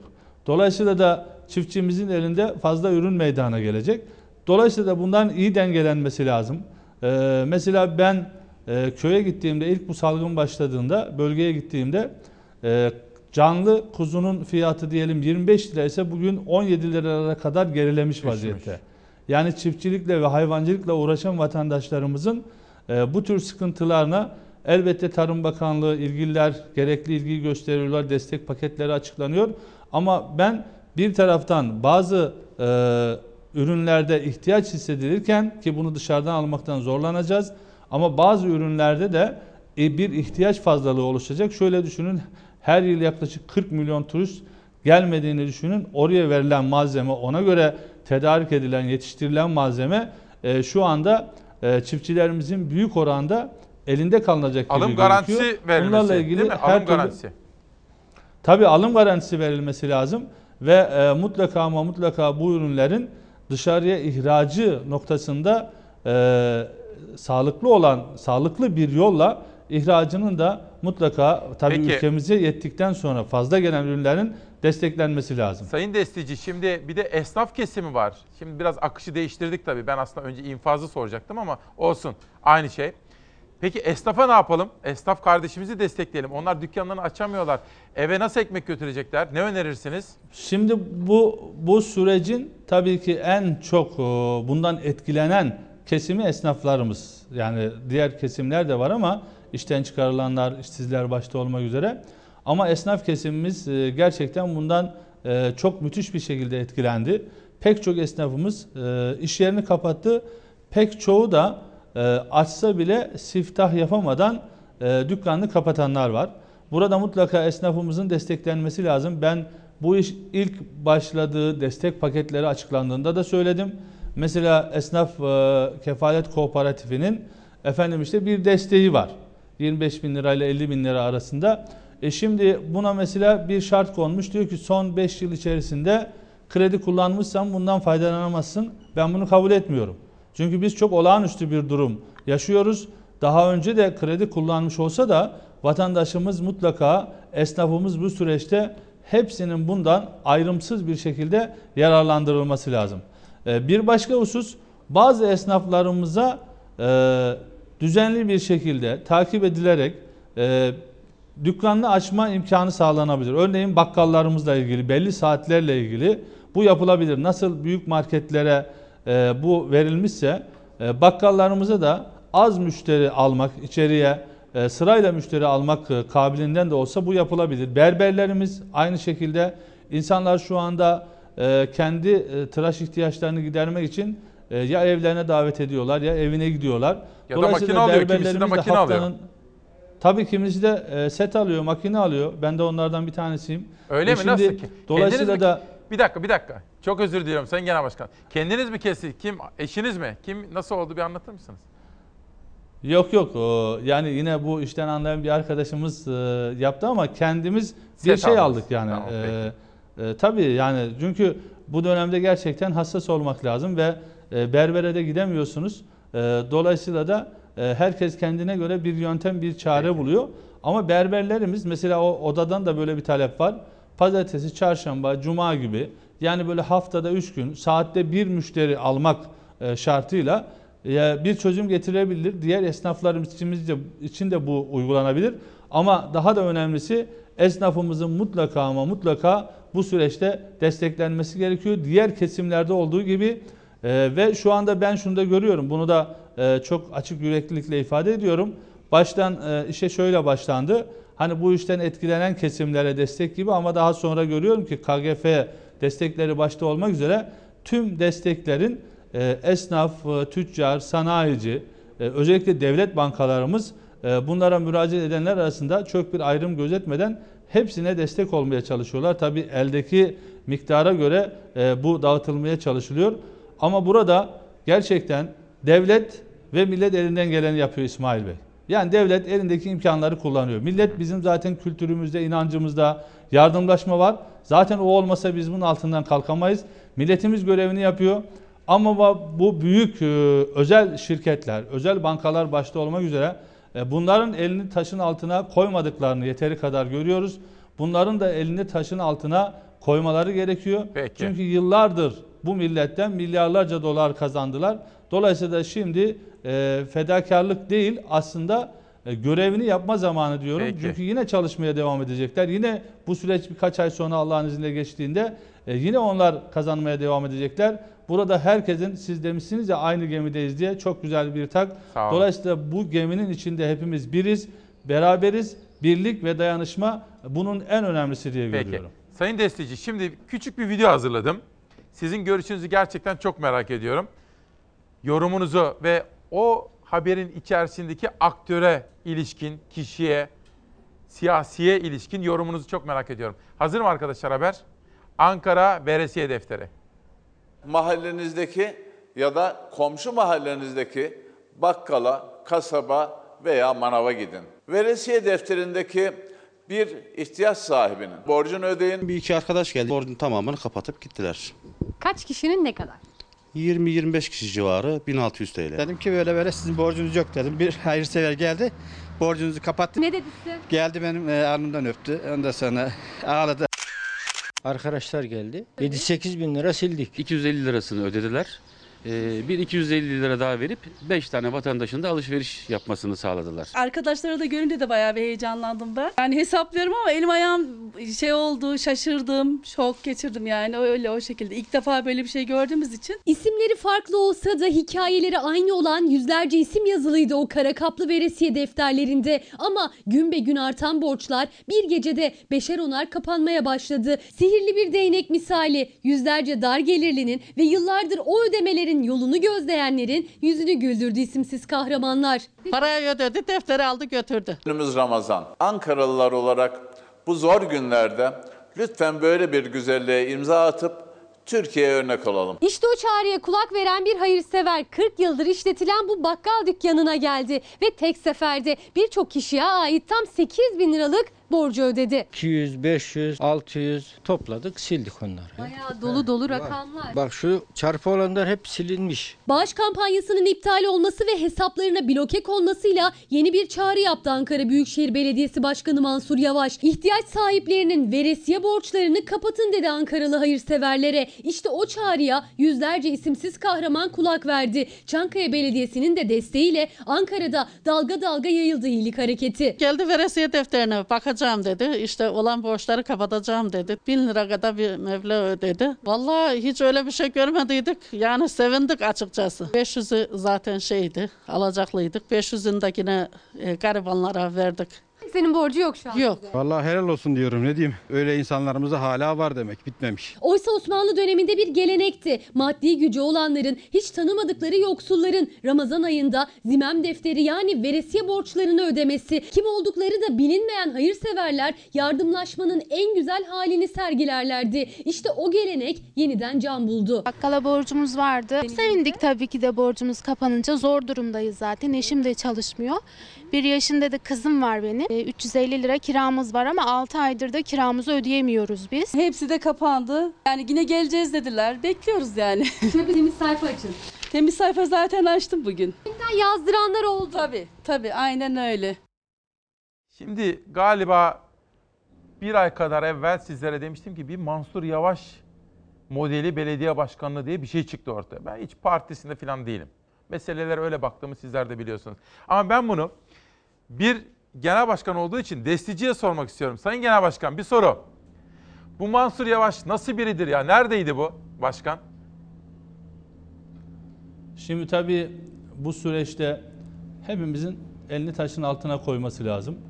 Ankara Büyükşehir e, Belediye Başkanımız Sayın Mansur Yavaş da üzerine düşen e, sorumluluğun gereği olarak e, bu süreçte de gayretli bir çalışma yürütüyor. Ben de e, aslen doğum olarak Eskişehirliyim ama 78'den beri Ankara'dayım. Evet. Ankara'dan evliyim. Dolayısıyla da Ankara'nın taşını, toprağını, neredeyse bütün mahallelerin sokaklarını e, bilen, gezmiş birisiyim. Ankara milletvekiliyim. E, dolayısıyla da e, memleketimiz olduğu gibi Ankara'mızı da birlik ve beraberlik içerisinde kalkındıracağız. Problemleri birlikte çözeceğiz. E, çünkü seçimler olur biter İsmail Bey. Tabii, Ondan tabii. sonra belediye başkanlarımız parti rozetlerini çıkarmalılar ve dolayısıyla da halk arasında bir ayrım yapmadan görevlerini ifa etmeliler. E, Mansur Bey de e, şu anda bunu yapmaya çalışıyor. Diğer ilçe belediye başkanlarımızla birlikte Keçiören olsun, Mamak olsun, Sincan olsun, Çankaya olsun, Yeni Mahalle olsun, bütün belediye başkanlarımızla birlikte, bütün Ankara'mızın merkez ve taşra ilçeleriyle birlikte e, bugünlerde de en çok birliğe ve beraberliğe ihtiyaç duyduğumuz Peki. bir dönemden geçiyorum. Biz kim hayırlı bir çalışma yaparsa, kim faydalı bir çalışma yaparsa, kim milletimize hizmet ederse e, biz ona teşekkür ederiz. E, Mansur Bey de bizim e, çok eskiden beri tanıdığımız e, ülkücü, Türk milliyetçisi bir arkadaşımız. E, dolayısıyla da ben kendisine de diğer belediye başkanlarımızla birlikte Peki. başarılar diliyorum. Burada e, belediyedir, geneldir diye bir ayrım yapılmasını da şahsen doğru bulmadığımı da ifade etmek Peki. istiyorum.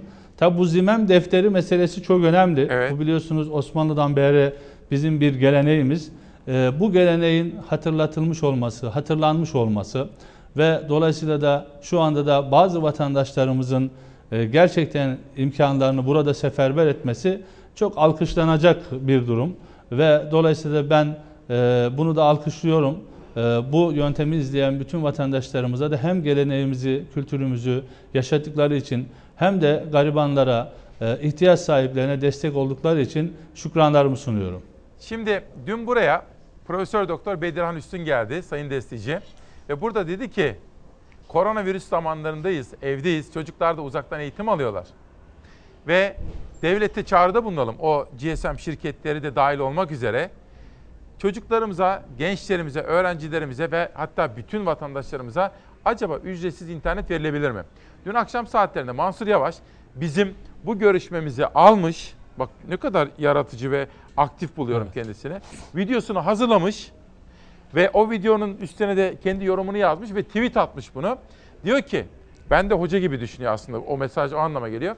Peki siz Cumhur İttifakı'nı destekliyorsunuz. Bir çağrıda da siz bulunmak ister misiniz efendim bu konuda?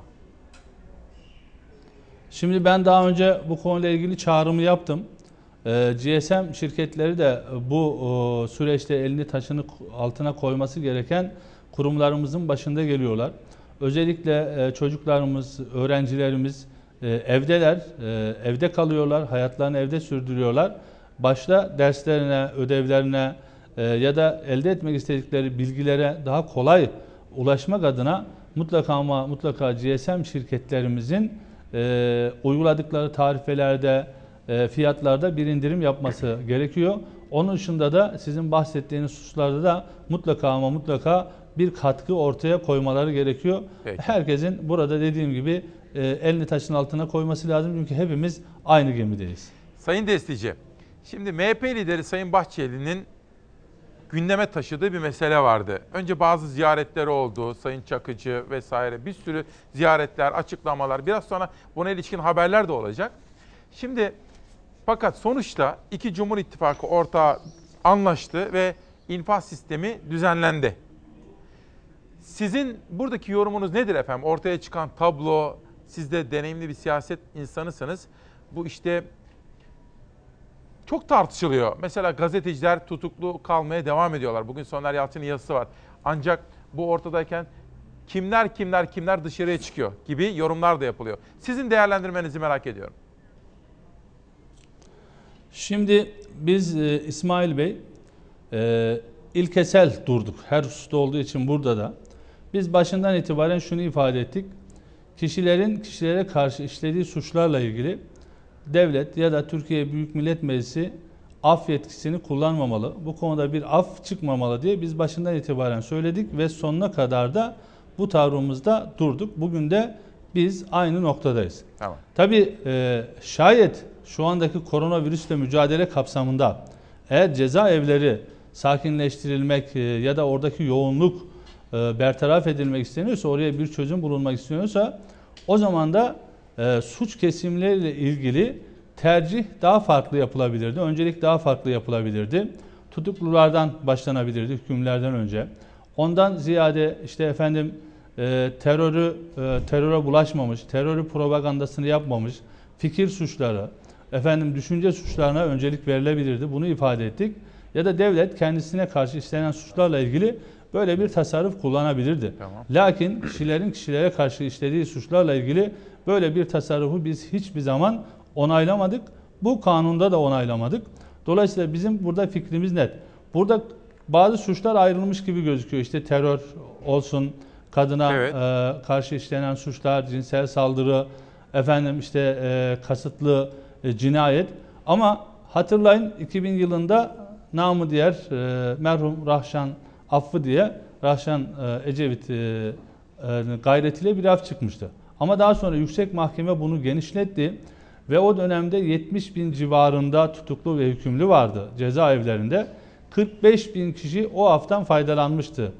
Ee, Demokratik Sol Parti, Anavatan Partisi ve Milliyetçi Hareket Partisi iktidarında 2000 yılında yine böyle bir af çıkarılmıştı. Ceza indirimi, şartlı salıverme ve inanın yüksek mahkeme daha sonra bunu genişletti. Hatta Rahşan Hanım'ın da ondan sonra bir sözü var.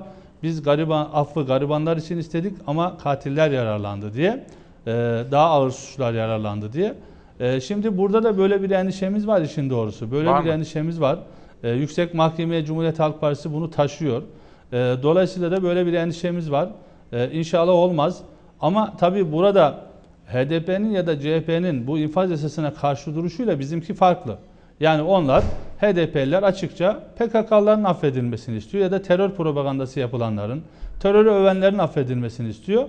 Ama biz bizimki e, çok farklı. Biz kişilerin kişilere karşı işlediği suçlarla ilgili devletin af yetkisini kullanmamasını istiyoruz. Mesela gazeteciler Ee, tutuklu. tabii burada Sayın Destici. Mesela bizim meslektaşlarımız var. İki Barış tutuklandı. Terkoğlu'yla Pehlivan, işte Murat Ağırel tutuklandı. Her gün burada isimlerini dile getirmeye çalıştım. Hani Türkiye'nin itibarı için gazeteciler özgürce konuşmamalı mı efendim? Yani bu konudaki yorumunuz nedir? Ben teröre ve şiddete bulaşmadığı sürece, terör propagandası yapmadığı sürece, fikrinden, düşüncesinden ve yazısından dolayı hiç kimsenin tutuklanmaması gerektiğini düşünüyorum. Yani bizim şeyimiz çok net. Yani insanlar açıkça fikrini, düşüncesini e, söyleyebilmeli, kalemini çalıştırabilmeli, kalemini, yazısını yazabilmeli. Çizgi neresi kırmızı çizgimiz? Terör. Terör ve şiddete bulaşmayacak. Terör ve şiddetin propagandasını yapmayacak. Onun dışında herkes eleştirisini de yapabilir, fikrini de söyleyebilir, düşüncesini de ifade edebilir ve bunlar suç olarak telakki Peki. edilmemesi gerekir. Şimdi efendim bir soru da şu. Ben dün Sayın Mehmet Ağar'ı aradım.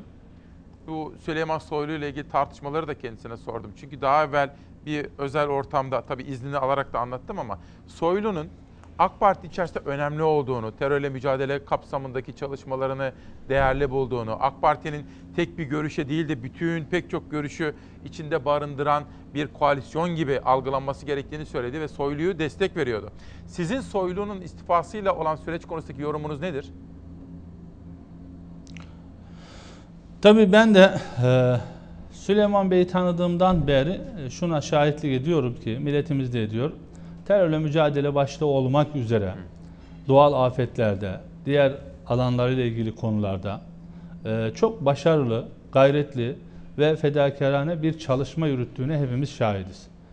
E, koronavirüsle mücadele kapsamında da özellikle asayiş tedbirlerinin alınmasında, açıklanan bir takım tedbirlerin uygulanmasında da çok başarılı süreçler devam ediyor.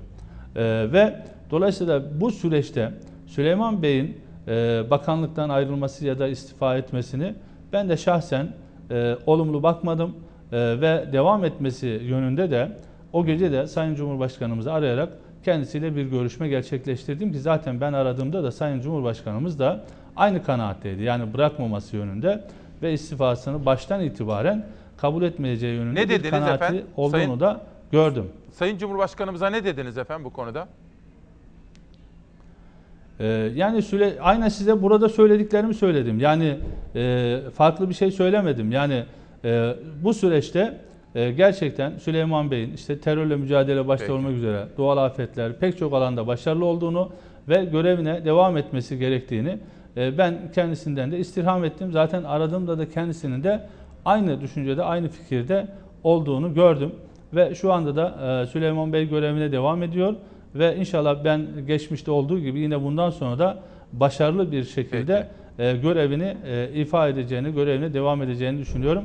Ve başarılar diliyorum bütün hükümetin diğer bakanlar kurulu üyelerimizle birlikte. Çünkü Cumhurbaşkanımızla birlikte çünkü onların başarısı şu anda Türkiye'nin başarısı olacak. İnşallah biz elimizden gelen bütün desteği vereceğiz İsmail Peki, Bey. Ama peki. tabii ki eksiklikler, noksanlıklar gördüğümüzde uyarılarımızı yapmayacak mıyız? Elbette uyarılarımızı yapacağız. İşte biraz önce ifade ettim. Ee, sokağa çıkma yasağından tutun da işte maske konusuna, işte diğer konularda Peki. hangi eksiklikleri görüyorsak, hangi eksen- noksanlıkları görüyorsak bunların hepsini ifade edeceğiz. Çünkü devletimiz büyük bir gayret içerisinde. Önce kendi milletimiz bakın e, çok büyük olduklarını ifade eden, kasalarının dövizlerle, altınlarla dolu olduğunu ifade eden AB ülkeleri gibi, ABD ülkeleri gibi, ABD ülkesi gibi çoğu ülkeden daha başarılı Peki. bir süreç yönetiyoruz. Bunu Sayın takdik Destici. ederken tabii ki bir eksiklik, noksanlık görürsek bunu da ifade edeceğiz. Çok Ee, teşekkür ediyorum efendim. bitirecek Sağ olun. miyiz? Eksik o zaman olmayın. bir cümle söylememe Buyurun, müsaade tabii ki, eder tabii, misiniz? Ee, şunu ifade etmek istiyorum. Ee, devletimiz e, farklı ülkelere de yardım ediyor. Ee, biz bunları da doğru buluyoruz ama biz önceliğin e, kardeş ve soydaş coğrafyalar olması konusunda bir hatırlatma yapmak istiyoruz. Ee, özellikle Türkmen elinde yaşayan kardeşlerimiz, Irak Türklerimizin e, bu konuda talepleri var. Bunlar karşılanıyor.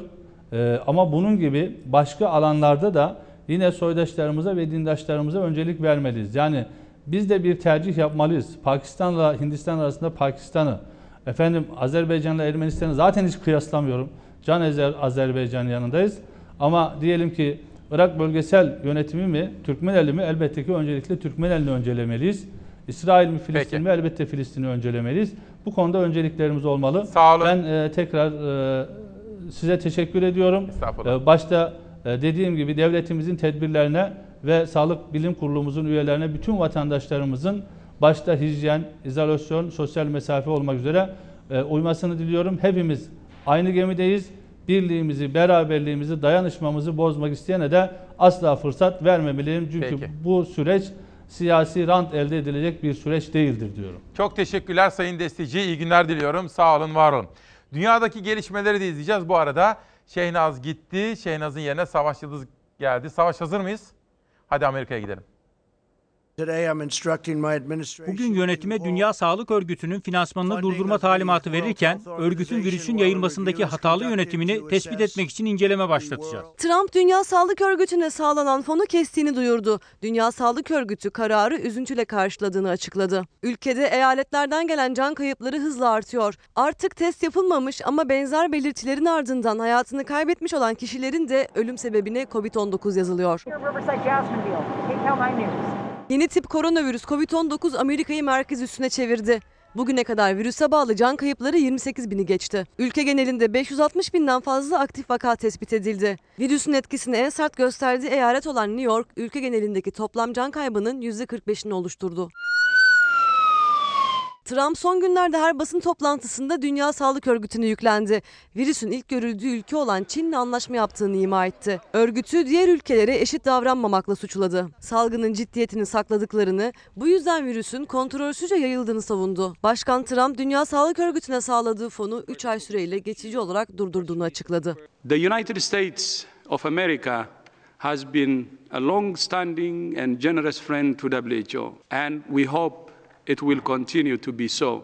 We regret the decision of the President of the United States to order a hold in funding to the World Health Organization. Karardan sonra Dünya Sağlık Örgütü Genel Direktöründen yanıt geldi. Kararı üzüntüyle karşılıyoruz dedi. Amerika'nın sağladığı fonun örgütün bütçesinde ciddi bir alanı oluşturduğunu vurguladı. Tek mücadelemiz koronavirüs değil. Çocuk felci, ebola, kızamık, sıtma, HIV gibi insan yaşamını tehdit eden hastalıklarla da savaşıyoruz diye ekledi.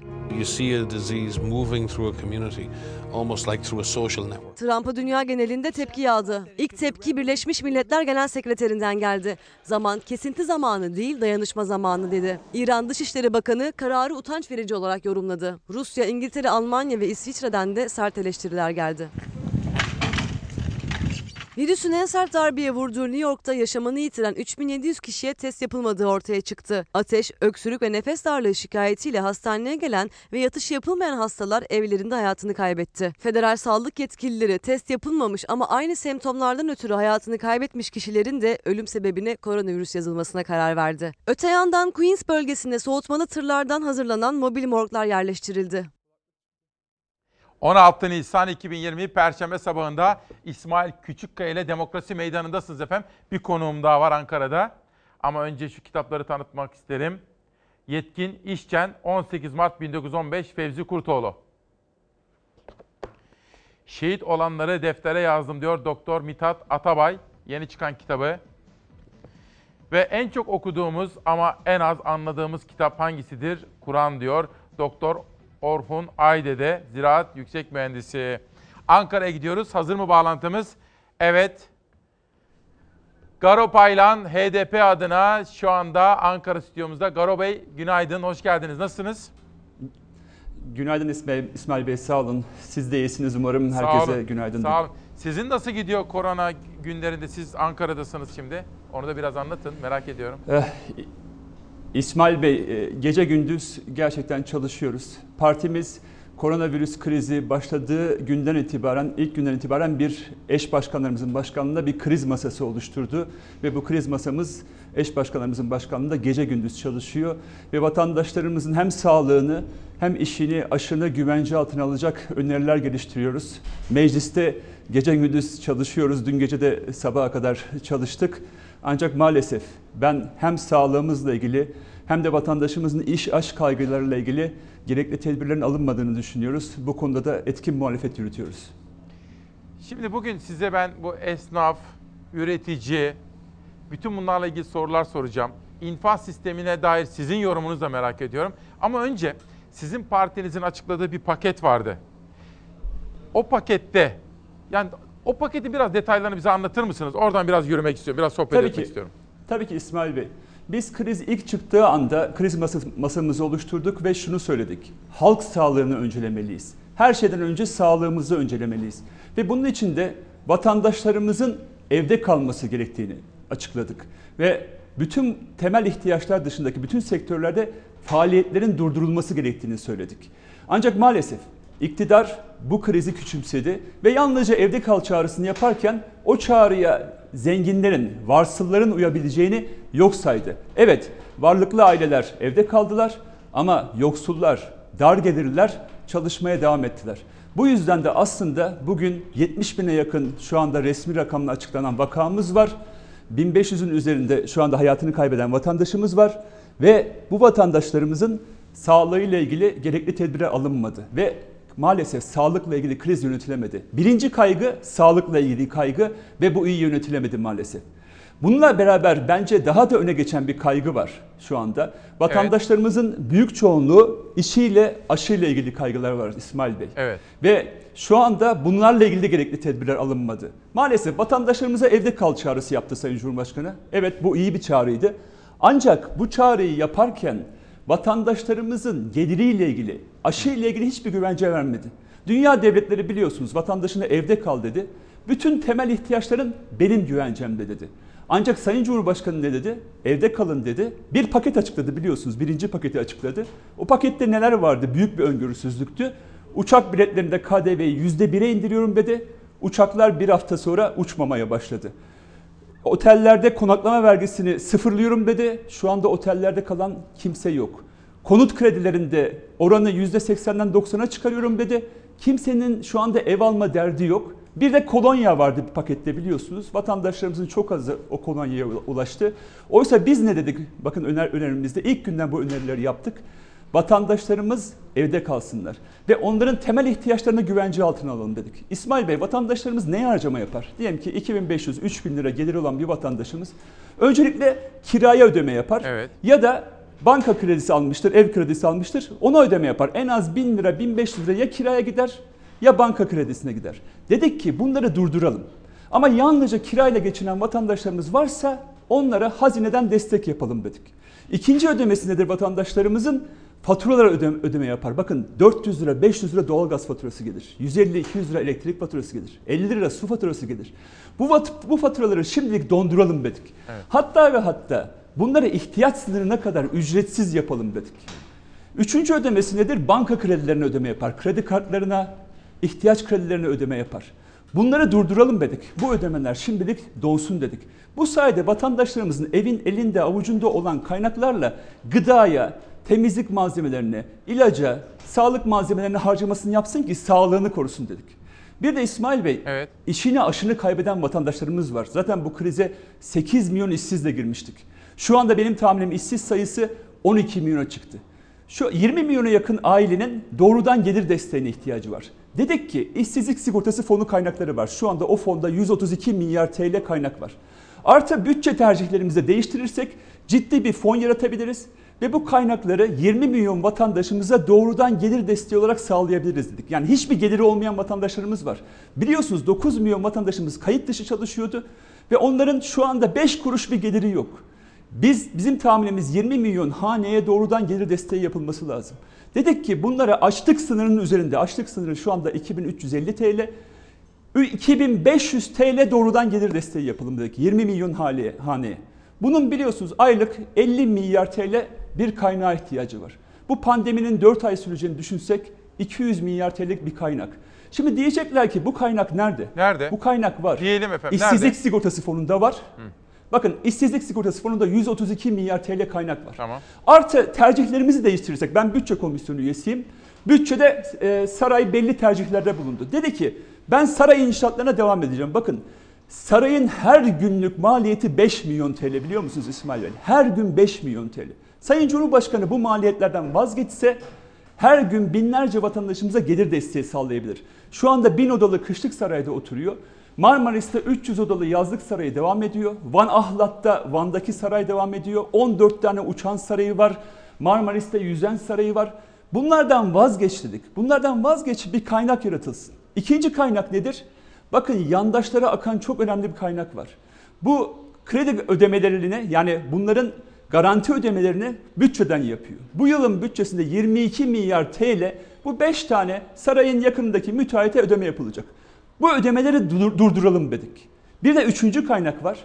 Sarayın biliyorsunuz çok önemli bir güvenlikçi politikası var İsmail Bey. Yani bütçeden 200 milyar TL güvenlikçi kalemlere gidiyor.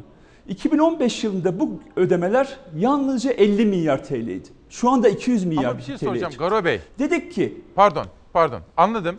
Ama devletin bir takım ihtiyaçları da yok mu? Mesela hani sonuçta hani sarayın maliyeti diyorsunuz. Sonuçta devlet bir yerden yönetilecek. Uçak diyorsunuz. Devletin uçaklara tabii. da ihtiyacı Kuşkusuz. var. Yani mesela Ama 14 güvenlik tane mi? harcamaları diyorsunuz. Devletin güvenlik harcamaları var. Hani ne yapacağız? Yani bu- bunları kaldıracak mıyız? Şalteri kapatalım Bakın, mı? Ne öneriyorsunuz? Şöyle söyleyeyim. Şöyle söyleyeyim bakın. Dünyada büyük devletler, pek çok büyük devlet var ve onların ekonomisi de çok daha güçlü, demokrasisi de. Mesela bakıyorsunuz Almanya şan- şansölyesi Almanya'yı 10 odalı bir yerden yönetiyor. Ama Tayyip Erdoğan 1000 odalı saraydan yönetiyor. Bu yetmiyor. 300 odalık yazlık saray yapıyor. Almanya şansölyesinin bir tane uçağı var. O da tarifeli uçağa binerken Tayyip Bey'in 14 tane uçağı var. Bakın bir yere gidiyor Tayyip Bey 100 tane araçla gidiyor.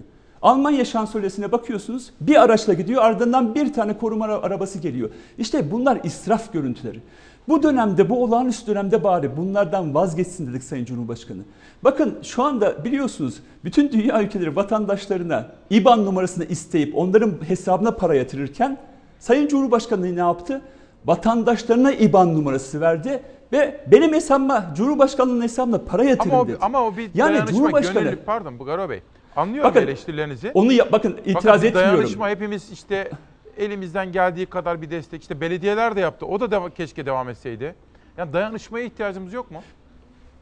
Bakın bundan kuşkusuz halk arasında dayanışmaya ihtiyaç var. Belediyelerimiz seferber olmalı, devletimiz seferber olmalı. Ama böyle günlerde önce devlet tasarruf etmeli. Cumhurbaşkanı şunu göstermeliydi. Ben 14 tane uçağım var, bunun 13'ünden vazgeçiyorum demeliydi. Yazlık saray inşaatını durduruyorum demeliydi.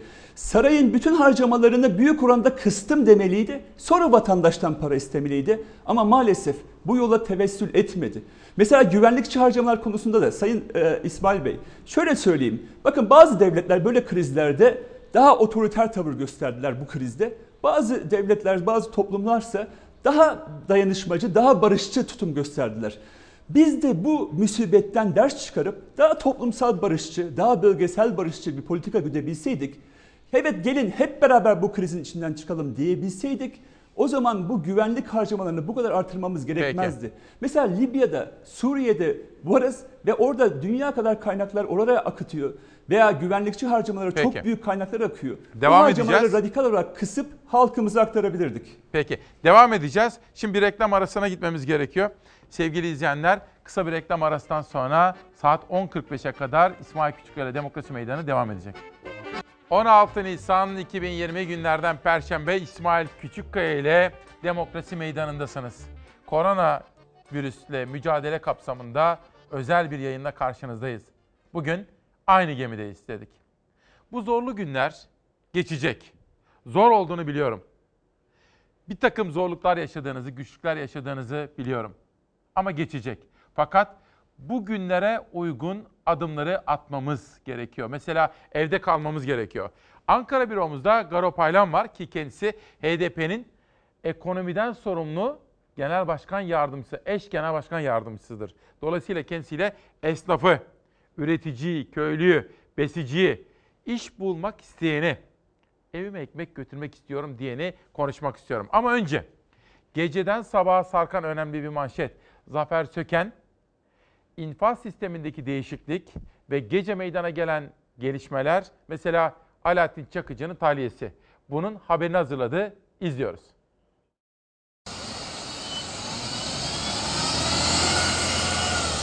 Alaaddin Bey'in bir yönüyle vatan millet içinde verdiği mücadeleler var.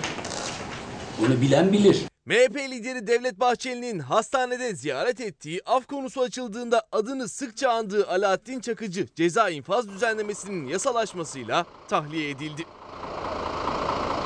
Cumhur İttifakı ortağı MHP'nin uzun süredir gündemindeydi. Kamuoyunda af olarak bilinen ceza infaz düzenlemesi. Ancak AK Parti uzun süre yeşil ışık yakmamıştı o düzenlemeye. Sadece ceza infaz düzenlemesi değil, Alaaddin Çakıcı konusunda da ayrı düşmüştü AK Parti ve MHP. Bahçeli, Çakıcı hakkında vatan millet için verdiği mücadele var derken İçişleri Bakanlığı 2 yıl önce suç örgütlerine düzenlenen operasyonları kamuoyuna duyururken Alaaddin Çakıcı için suç örgütü lideri ifadesini kullandı. Bunu da hiç dikkate almadan mafya diyeceksin. Koronavirüs salgınıyla birlikte yeniden gündeme geldi ceza infaz düzenlemesi. AK Parti ve MHP'nin önerisiyle düzenleme meclise geldi kabul edildi. Erdoğan'ın da onayıyla resmi gazetede yayınlandı, yasalaştı. Yasalaşan düzenlemeyle cezaevlerindeki 90 bin mahkum için tahliye yolu açıldı. Çakıcı'nın da bulunduğu Sincan cezaevinde de tahliyeler başladı. Gece saatlerinde Alaaddin Çakıcı tahliye edildi. Çakıcı ve yakınlarının bulunduğu otomobiller konvoy halinde cezaevinden ayrıldı. Bence unutulmaz bir olay, unutulmaz sahneler. Tabii Sayın Devlet Bahçeli'nin buradaki tutumunu da unutmamak gerekiyor. Çünkü zamanında gündeme taşıdı ve o bazen sesini yükseltti, bazen geri çekildi. Ama sizlere burada çok söyledim bunu.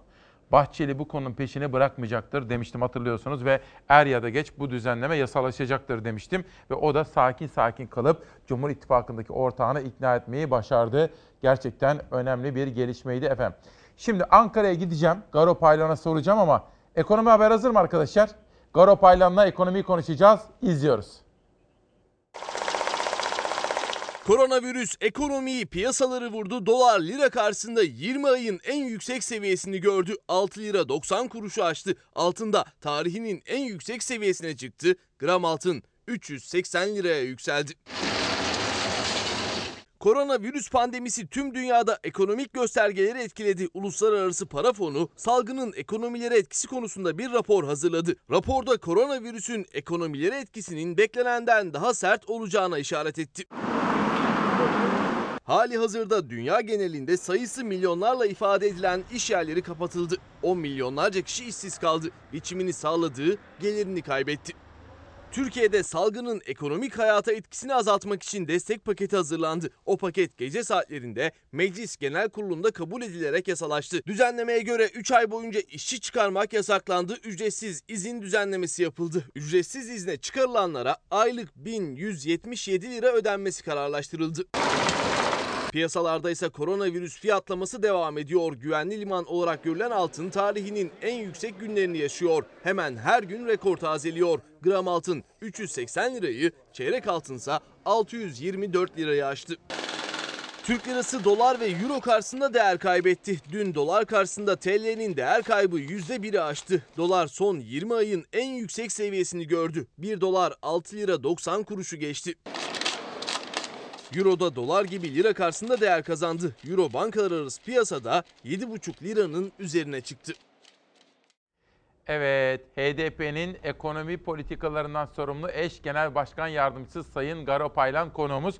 Garo Bey, önümde sizin hazırlamış olduğunuz o paket ve çözüm önerileri var. Bunlardan birinci maddeyi işten çıkarmalar yıl boyunca yasaklanacaktır diye okuyorum. Bununla başlayalım isterseniz. Buyurun ne öneriyorsunuz efendim? İsmail Bey bunu ilk günden önerdik. Çünkü öncelikle işi korumalıyız, işçiyi korumalıyız dedik. Ve işletmelere bazı destekler verilirse bu desteklerin işten çıkarmama şartına bağlanmasını önerdik. Maalesef iktidar çok geç kaldı.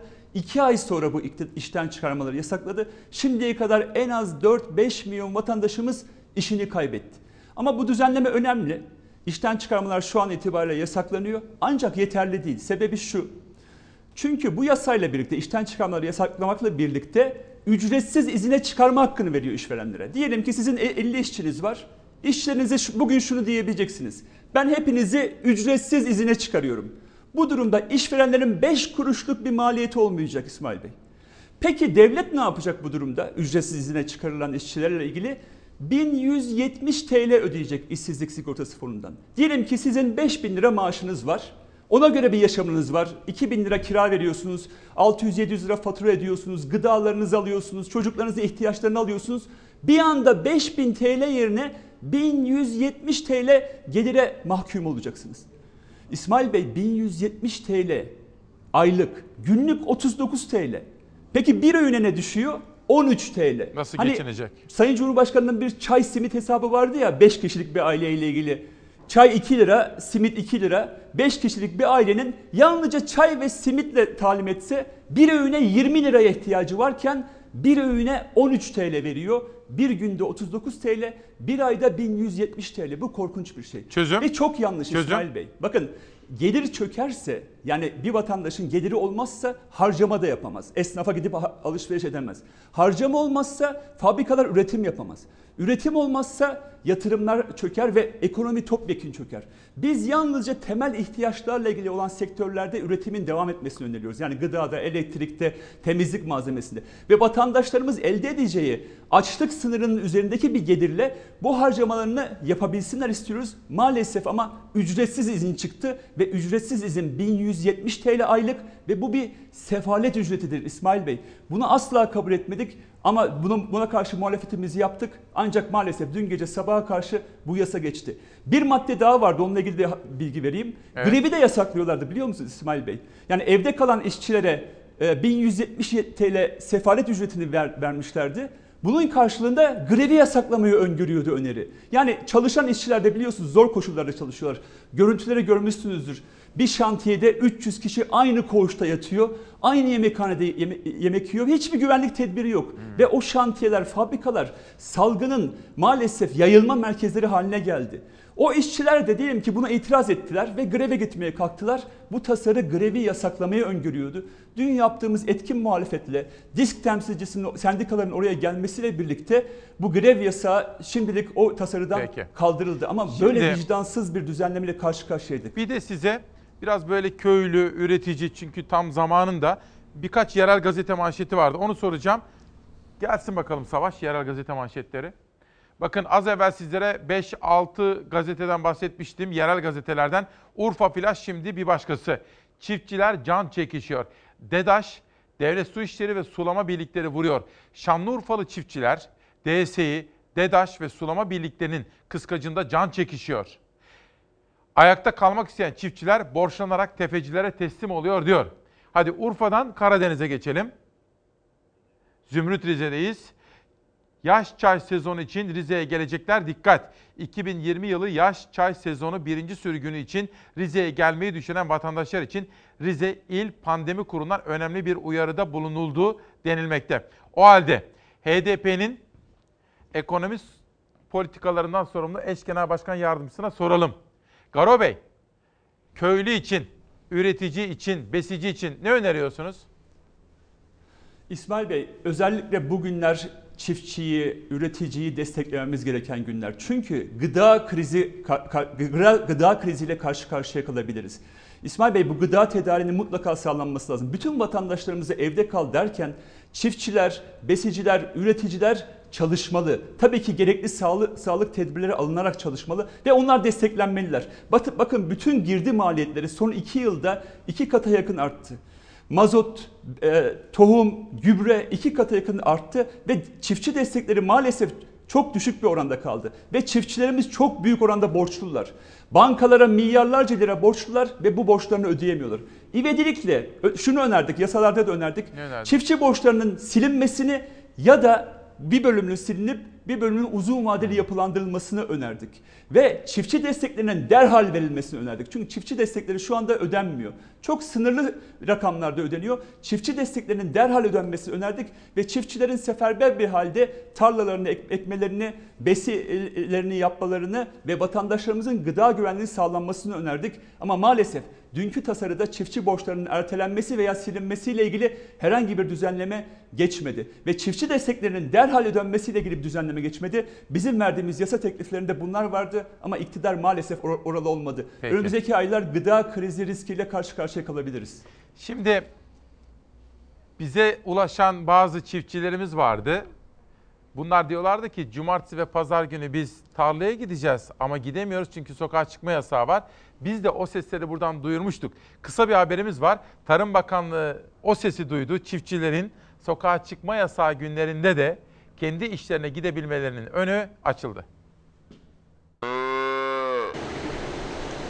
Hafta sonu uygulanacak sokağa çıkma yasağının genelge ile istisna kapsamında olacak bir grupta tarım ve hayvancılık üretimindeki çiftçilerimizdir. Çiftçi sorun yaşamasın, gıda, et ve süt tedariki aksamasın diye tarım ve hayvancılıkla uğraşan çiftçiler sokağa çıkma yasağından muaf tutuldu. Biz Türkiye tarımının neferleri olarak bütün üreticilerimizle ülkemiz için, milletimiz için üretmeye, var olmaya devam ediyoruz. Koronavirüsle daha etkin mücadele edebilmek, hafta sonu güneşli havaya aldanıp sokaklarda, sahillerde yoğunluk oluşmasını engellemek için geçtiğimiz hafta sonu 31 ilde 48 saatlik sokağa çıkma yasağı ilan edildi. Bu hafta sonu içinde benzer bir yasak kararı alındı. Tarladaki ürününü nasıl toplayacağını, hayvanlarından nasıl süt sağacağını düşünmeye başlamıştı çiftçi. Onlar için adım atıldı. Sokağa çıkma yasağı öncesi İçişleri Bakanımız Sayın Süleyman Soylu ile bir görüşme gerçekleştirdik. Gıda tedarikinde ya da tarım ve hayvancılık sektöründeki üretimde herhangi bir aksaklık yaşanmaması için bir dizi önlem aldık. Tarımsal ve hayvansal faaliyetlerde bulunan çiftçilerimiz, üreticilerimiz ve gıda sektörümüz sokağa çıkma yasağından muaf tutulan gruba dahil edilmiştir. Tarım Bakanı Bekir Pakdemirli duyurdu çiftçilerin yasaktan muaf tutulacağını. Hal ve market depoları içinde alınan tedbirleri açıkladı. Reyon ömrü kısa olan ve hızlı bozulan et ve balık, meyve ve sebze, süt ve süt ürünleri grupları ile un ve makarna sektöründe çalışanlar hafta sonu üretimlerine devam edebilecekler. Parakende sektöründe de sorun yaşanmaması için pazar akşamı saat 18'den sonra haller ve marketlerin depoları mal kabul üniteleri açık olacak. Tarım Bakanı veterinerlerin de hafta sonu çalışacağını duyurdu. Üretimin aksamaması için çalıştıklarını açıkladı. Veteriner hekimlerimize ait klik- klinik, poliklinik, hastaneler ve veteriner hekimlik hizmeti veren özel kuruluşlar ve çalışanları hafta sonu hizmet vermeye devam edebilecekler. Evet, HDP'nin ekonomi politikalarından sorumlu eş genel başkan yardımcısı Garo Paylan'a soralım. Tarımla ilgili vermek istediğiniz mesaj varsa devam edelim. Bir de sizin maddelerinizde şunu gördüm Garo Bey. Geliri olmayan kadınlara her ay 2500 lira doğrudan gelir desteği sağlanacaktır diyorsunuz. Bunu biraz açıklar mısınız? Evet. Elbette bakın bizim partimiz bir kadın partisidir. Eş genel başkanlarımız var. Bütün kurullarımızda en az %50 kadın olmak zorunda en az %50 ve kadın politikaları konusunda partimiz gerçekten mecliste çok büyük bir mücadele veriyor. Ve bu yasalarımızın en önemli maddelerinden birisi de kadınlara doğrudan gelir desteğinin sağlanması. Çünkü kadınlar ya evde e, çocuklarına bakıyorlar, ya iş, işte çalışıyorlar, ya günübirlik işlerde çalışıyorlar ve erkeklere göre, göre çok daha az gelirleri var. Ve bu dönemde günübirlik işlerde çalışan kadınlar, evde çocuklarına bakanlar, yalnız yaşayan kadınların hiçbir geliri kalmadı İsmail Bey. Evet. Ve bu, bu kadınlarımıza doğrudan 2500 TL yani açlık sınırının üzerindeki bir geliri doğrudan gelir desteği olarak sağlanmasını önerdik. Aynı şekilde çiftçilere de bakın doğrudan Evet. gelir desteği sağlanmasını önerdik. Öğrencilere bakın Kredi Yurtlar Kurumu dün yasada vardı. 5 milyon gencimiz Kredi Yurtlar Kurumu'na borçlu. Ve yıllardır da onlara hacizler gidiyor, zorlamalar oluyor. Dedik ki bakın bu olağanüstü dönemde şu 5 milyon gencimizin borcunu silelim dedik. Ve bütçeye çok büyük bir derdi de yok. Ama öğrenciler için çok büyük bir dert. Hayata başla, başlayamıyorlar, tabii. işe başlayamıyorlar. Resmi bir işe girer girmez hesaplarına haciz konuluyor. Bu anlamda bu borçları da gelin silelim dedik ama o borçları yalnızca erteliyorlar. Başka vergi borçlarını erteliyorlar. Bakın dünkü çıkan yasada bütün borçları erteleme var. Yani ne diyor? Bu ay ödeyeceğini 7. ayda öde, 8. ayda öde. Peki vatandaşımızın 7. ayda, 8. ayda geliri iki misline mi çıkacak ki borçları ödeyecek? Vatandaşlarımıza borç vermemeliyiz ilave. Doğrudan gelir desteği sağlamalıyız. Bakın bütün devletler bunu yapıyorlar. Bu dönemde doğrudan gelir desteği veriyorlar, borç vermiyorlar ki 3 ay sonra elde edeceği gelir de ancak o yeni geçirebilsin. Yani bu dar günde geliri verebilsin. Ama maalesef İsmail Bey biz iyi günlerde paraları biraz çarçur ettik. Yani dediğim gibi saraylar yaptık, efendim köprü otoyol yaptık ama onları borçlarla yaptık. Maalesef işte güvenlikçi harcamalara çok para harcadık, tasarruf etmedik. Mesela Almanya dediğim gibi tasarrufunu yaptı iyi günlerde. Bugün vatandaşına o tasarrufları aktarabiliyor. Sayın Cumhurbaşkanı maalesef kasada para kalmadığını itiraf etti. Bu dönemde yapmamız gereken devlet kaynaklarını yani bütçe tercihlerini değiştirmek, halkımıza dönük olarak bu kaynakları aktarmak Peki. ve aynı zamanda toplum içi dayanışmayı da büyütmek İsmail Bey. Peki. Yani yalnızca devlete bakmamalıyız çünkü oraya yeterli kaynak var. Toplum içi dayanışmayı da büyütmeliyiz. Garo Bey, tabii ekonominin patronu Berat Albayrak, Hazine ve Maliye Bakanı bugünlerde o da tabii ofisinden böyle Skype'la veya kameralara bir çekim yaptırıyor. O da bu İzliyoruz. konudaki soruları yanıtlıyor. Bir izleyelim. Ekonomi, siyaset tabii parlamentoda neler konuşuluyor, siyaset dünyasında neler tartışılıyor, genel başkanlar birbirini nasıl eleştiriyor veya birbirine nasıl mesajlar veriyor. Onu bir izleyelim. Sizin yorumunuzu almak istiyorum. Milletin ihtiyacı olan maskeyi stoklayanlar, gıdayı saklayanlar neyse, vatandaştan topladığı parayı en çok da ihtiyaç olan böyle bir dönemde millete sunmak yerine stoklayanlar da aynıdır. Süslü reklamlar bu yapılanları gizleyemez. Sosyal devletin güçlenmesi lazım. Hazine ve Maliye Bakanı Berat Albayrak topu özel bankalara, CHP lideri Kemal Kılıçdaroğlu ise hükümete attı. Salgın günlerinde elini taşın altına sokması gereken kim tartışması sürerken Gelecek Partisi lideri Ahmet Davutoğlu da bir kez daha işsizlik fonunu hatırlattı. İşsizlik fonundaki para 130 milyar nereye nasıl harcandı? Çünkü kötü bir ekonomi yönetimi var. İstihdamı korumak, gelirini kaybeden vatandaşlarımıza sahip çıkmak, üretimi desteklemek için her önlemi alıyoruz. İşsizliğin ne kadar büyük felaketler getirdiğini, iki taraf açısından da sorun yaratacağını, diyelim ki ben çok varlıklıyım ama benim komşum yoksul. Şimdi biz aramızda bir barış sağlayabilir miyiz? Koronavirüs sağlıkla birlikte en çok ekonomiyi etkiledi. Kapanan iş yerlerini, işini kaybedenler muhalefetin gündeminden düşmezken Hazine ve Maliye Bakanı Berat Albayrak sosyal medyadan seslendi. Hedefinde bankalar vardı. Tüketicinin esnafın salgın döneminde yaşadıklarını bir kez de Bakan Albayrak dile getirdi. Vatandaşlarımızın özel bankalarla yaşadıkları sıkıntıları biliyoruz. Bu dönemde vatandaşlara destek olmayı geçtik, mevduatını bozdurana, kredisini yapılandırmak isteyene fahiş maliyetler çıkarıldığını duyuyoruz. Bu asla kabul edebileceğimiz bir şey değil. Amerika ve Fransa evdeki vatandaşlarına gerekli yardımları yapıyor, paraları ödüyor, nakit yardımlarında bulunuyor. Türkiye'dekiler ne yapıyor? Türkiye'dekiler şov yapıyorlar. Ve nakit yardımı CHP lideri Kılıçdaroğlu aile ayrımı yapılmadan herkese 2000 lira verilmesi çağrısını yineledi. Her aileye asgari 2000 lira bir gelir güvencesinin sağlanması gerektiğini de yine e, ifade etmiştim. Nakdi yardımlarımız başladı. 2,1 milyon ailemize 1000 liralık nakdi yardımları elhamdülillah ulaştırdık. Albayrak açıklıyor. En başarılı ekonomiyi biz yürütüyoruz diye.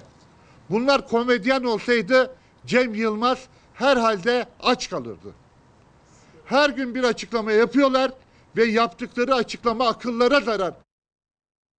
Şimdi Garo Bey'in özellikle kadınlarla ilgili, çiftçilerle ilgili sözleri çok tartılıyor şu anda sosyal medyada. Bize de tebrikler geliyor. Efendim biz görevimizi yerine getiriyoruz. Biz demokrasi meydanı. Şunu da bir kere daha söyleyeyim. Ben Sayın Berat Albayrak'ı buraya davet ettim geçtiğimiz hafta sonu. Basın danışmanını da aradım. İstiyorsanız dedim Ankara'ya geliriz. Demokrasi meydana katılın dedim. İstanbul Valisi'ni aradık. Sağlık Bakanı ile hemen hemen her gün özellikle danışmanları vasıtasıyla. Şunu söylemeye çalışıyorum. Burası Türkiye'nin en çok sevilen, en çok güven duyulan bir referans noktası. Burası demokrasi meydanı. Herkese açık. İktidara da. İşte Kültür Bakanı geldi kaç kere. Çok memnun ayrıldı. Önemli olan benim sizin adınıza soru sormamdır.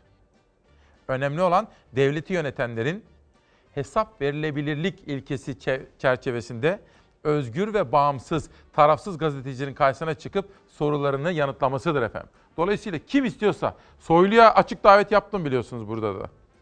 Dolayısıyla HDP ile ilgili mesajlar gelmiş de ambargo uyguluyorlar diye. Garo Bey'e soracağım ambargo var mı size diye onu da bir soracağım ama dün burada Profesör Doktor Bedirhan Üstün vardı. Uzun yıllar Dünya Sağlık Örgütü'nde çalışan hocamız bir öneride bulundu. Fakat Mansur Yavaş da bakın ne kadar refleks gösteriyor. Bizim programımızı izlemiş, oradan video çekmiş ve bir tane akşam saatlerinde dün tam böyle bizim ana haber saatimizde o saatlerde bir tane tweet atmış. Tweet aynen şöyle. Ücretsiz internet geçirdiğimiz bu zor günlerde ekmek, su, hava gibi bir ihtiyaç haline gelmiştir. Bu süreçte ihtiyacı olanlara ücretsiz internet temin etmek ticaret değil bir görevdir. Çağrımızı tekrar ediyoruz diyor. Turkcell, Vodafone, Türk Telekom, GSM şirketlerine çağrıda bulunuyor ve tweetini şöyle tamamlıyor. Bakın yan tarafta da bizim dün Bedirhan Üstün hocamızla yapmış olduğumuz röportajdan da bir video yayınlamış efendim. Şöyle 40-45 saniyelik bir video izleyip Garo Paylan'a saralım. Şu anda yapılabilecek en güzel şeylerden bir tanesi insanlara bedava internet vermek, bedava maske vermek yerine. Ben size söyleyeyim. Çok güzel. Devlet keşke bunu yapsın. Keşke bunu yapsın. Belki bilim kurulunda Sağlık Bakanı bunu tartıştırabilir. Kesinlikle. İnternet verelim insana. Bedava. Ve öğrencilerim diyor ki hocam bir dersiniz 1 GB. Benim 5 GB'ım vardı bitti. Bak Sağlık Bakanı'na buradan duyuralım. Gel çok iyi bir öneri. Kesinlikle. Devletimiz bunu yapsın. Evet. Çok iyi. Ve Garo Bey'e soralım. Garo Bey ne dersiniz bu öneriye? Kesinlikle destekliyoruz ve yasa teklifimizde var. Ya Var elektrik, su ve doğalgazın ihtiyaç sınırına kadar ücretsiz olacağı gibi internet ve iletişimin de ücretsiz olmasını öneriyoruz bu dönemde. Veya kalıcı olarak da bunu sağlayabiliriz. Özellikle dar gelirlilere. Gerçekten o video içimizi sızlatmıştı. Bir öğrenci hocam ben sizin dersinize katılamayacağım çünkü o ders çok fazla benim internetimi eksiltiyor demesi içimizi sızlatmıştı. Bu anlamda internetin de iletişimin de ücretsiz olması lazım Fatih Bey. Peki. Az önce de bir e, bant daha vardı. Hani güvenden bahsetmiştiniz. Niye sizin kanalınız en çok izleniyor Fatih Bey? Çünkü çok Bana sesli kısaca olmaya Fatih Bey diyebilirsiniz ama adım İsmail Küçükkaya. Ay, özür dilerim. İsmail Bey. İsmail Bey Evet, özür dilerim. bizi çok karıştırırlar. özür dilerim. E, Dün, dün akşam Halk TV'de Fatih Bey'in konuydum. O, o anlamda oradan Tamam, kaldı peki. kusura bakmayın. Tamam. Size o diğer Fatih'le karıştırmadım. Dün akşamki Fatih Tamam, Bey'den peki. kaldı. Niye en çok kanalınız izleniyor? Çünkü daha demokratik olmaya çalış- çalışıyorsunuz. Daha çok sesli olmaya çalışıyorsunuz. Bakın pek çok kanal bizi çıkarmıyor. Bu anlamda siz e, adımlar atıyorsunuz. Bu konuda teşekkür ediyoruz. Ve bu konuda daha büyük güven sağlıyorsunuz. Çünkü çok seslisiniz. Bakın ekonomide de e, İsmail Bey çarkları ne çevirir? Güven çevirir. Tabii. Ya bir ekonomide güven yoksa, yani ekonomi yönetimine güven yoksa, o ülkedeki kurumlara güven yoksa o ülkede ekonomik çarklar dönmez. Maalesef Türkiye'de şu anda maalesef tek adam ve onun damadı kararları alıyor. Sayın Berat Albayrak e, kararlar al- alıyor ve iki kişinin aklıyla kararlar yürüyor. Ve biz ne dedik? Gelin meclisi devreye sokalım. Çok sesli olalım. Bütün önerileri alın dedik. İlk günde dedik bakın ben Plan Bütçe Komisyonu'na yazılı çağrı yaptım. Gelin bütün partilerin oradaki ekonomiden sorumlu ekipleri bir araya gelelim. Önerilerimizi masaya yatıralım. Vatandaşlarımızın sağlığını da ekonomiste güvence altına alacak adımlar atalım dedik. Ama birinci paketten kolonya çıktı. İkinci paketten 1170 TL'lik ücretsiz izinli sefalet ücreti çıktı. Oysa ortak çalışsaydık bunların çok daha iyisini yapabilirdik. Peki. Bakın dolar 6.92'ye çıktı dediniz İsmail Bey Evet, değil mi? maalesef. İşte paramız bu anlamda pul oluyor. Yani bir ülkenin parasının değeri o ülkenin itibarıdır. Türkiye'deki vatandaşlarımız dahi parasının %55'inden fazlasını dolarda tutuyor. Bu kabul edilemez. Maalesef. Biz tasarruflarımıza kendimiz güvenmiyorsak yabancı Bey. nasıl güvensin? Bakın yılbaşından bugüne 8 milyar dolar bu ülkeden çıktı. Bu anlamda büyük bir güven kaybı var. Ay ne, nereye gitti? Nereye çıktı? Yurt dışına çıktı. Yabancılar bakın arkasına bakmadan Ha, satış yapıp gittiler. gidiyorlar. Çünkü neden biliyor musunuz? Çünkü Merkez Bankası'nın kaynakları eriyor. Yani güvenmiyorlar. Merkez Bankası'nda o kadar az kaynak kaldı ki. Ve diyorlar ki yarın öbür gün bu kaynak bitebilir. Ben arkamı dönüp gideyim. Çünkü ekonomi bakanı yalnızca tehdit ediyor. Bankaları tehdit ediyor. Yabancıları tehdit ediyor. iş insanlarını tehdit ediyor. E, tehdit edilen insan daha da korkuyor. Oysa güven vermemiz lazım. Güveni verirsek ekonomimiz canlanır. Türkiye'miz dünyanın en güzel ülkelerinden birisi. Şöyle bir soru Büyük var, kaynaklarımız Garo var Bey. ama bu yönetime güven yok. Şimdi Mehmet Şahin, Garo Paylan'ı, İsmail Bey diyor, Garo Paylan'ı konuk ederek HDP'ye uygulanan ekran ambargosunu bir nebze de olsa anlamsız kılmanız çok önemli bir davranış. Umarım diğer tüm medya organları da bu etik kuralı her şeyden önemlisi gazeteciliği hatırlar. Şimdi ben görevimi yapıyorum. Hani görevimin ötesinde bir şey de yapmıyorum. Herkese açık burası. Ama şunu sormak istiyorum. Size bir ambargo mu var efendim? Türk medyasında. Elbette var. Bakın ben e, partimin kurucularından birisiyim ve 2015 yılına kadar haftada en az iki ana akım medyaya çıkardım e, İsmail Bey. Evet. Ve pek çok arkadaşım çıkardı. Artık televizyonlara çıkmaktan yorulurduk. 2015 yılından sonra net bir ambargo kondu. Ve hiçbir yöneticimiz yıllardır ana akım medyaya çıkamıyor sizin dışınızda. O da sizde de tabii e, ana e, haber ana haber bültenlerinde çıkarıyoruz. Bazen de sizin programlarınıza çıkıyoruz. Tabii bu çok sesliliğinin daha fazla olmasını öneriyoruz. Bakın kongremiz oldu. Eş genel başkanlarımız var. Herhangi bir ana akım medya bu anlamda çıkarılmıyor ve her gün HDP konuşuluyor İsmail Bey. Her gün HDP aleyhine konuşuluyor. Sizi Biz o kanalları efendim? arıyoruz. Mesela- cevabı cevap hakkımızı kullanmak istiyoruz hayır. diyoruz. Şimdi ama mesela maalesef o cevap hakkımız Haber kanallarında HDP tartışmaları yapılıyor ya. Oralara mesela sizi çağırmıyorlar mı Evet. hiç? Hayır asla çağırmıyorlar. Yani HDP'nin tartışıldığı programlara da. Bakın şöyle oluyor. 5 kişi çağırıyorlar. HDP'yi konuşuyorlar beşi de içlerinde bir tane HDP'li yok ve hep HDP'yi eleştiren, HDP'yi itibarsızlaştırmaya çalışan programlar yapılıyor. Ya demokrasi neye gerektirir? Sen 5 kişi çağırıyorsan bir tane de HDP'li çağırırsın ve orada gereken cevabı kullandırırsın. Bakın ama e, İsmail Bey sizin programınız daha çok izleniyor. O programlar izlenmiyor. Vatandaşlarımız artık o pro- programları reytinglerinden de belli. Çok sesli oldukça çok daha fazla Evet, inan- evet. izlenirsiniz. Peki. Ekonomide de her şeyde, siyasette de çok sesli olursanız demokrasiniz güçlenir. Belki kararları daha geç alırsınız ama daha doğru kararlar alırsınız. Garo Bey aslında ilk sözünüzü bir kere daha sormak istiyorum. Çünkü sosyal medyaya baktığım zaman burada çok soru geliyor. Bu işten çıkarma, işini kaybedenler. Bununla ilgili küçük bir videomuz var. İzleyelim. Bu konuyu biraz daha derinleştirmenizi isteyeceğim. Çözüm önerisi Hay hay. nedir diye size sormak istiyorum. Verelim. İstihdamın sürmesi için 3 ay boyunca işten çıkarmaların önüne geçiyoruz. Ne zaman işten çıkarıldınız ya da işsiz kaldınız? Yeni yeni çıktım yeni. İki gün önce çıkışım öyle evet. AK Parti'nin meclise sunduğu ve komisyonda kabul edilen pakette işten çıkarmaları 3 ay yasaklayan madde var. Ama 3 aylık süre yasanın yürürlüğe girdiği tarihte başlayacak. 3 ay boyunca çıkış yapamayacaklar için şu an çok güzel bir avantaj olmuş ama öncesinde çıkış yapanlar için ne yapacaklar? Ben çıkmışım işte daha bu saatten sonra. Ben şey ettikten sonra sen kabul dedik. Ne işime yarar? Beni çıkaran çıkarmış. Disk korona tedbirlerinin alınmaya başladığı Mart ayının ikinci haftasında çağrı yapmıştı iktidara. O süre zarfında on binlerce iş yeri tedbir kapsamında kapandı.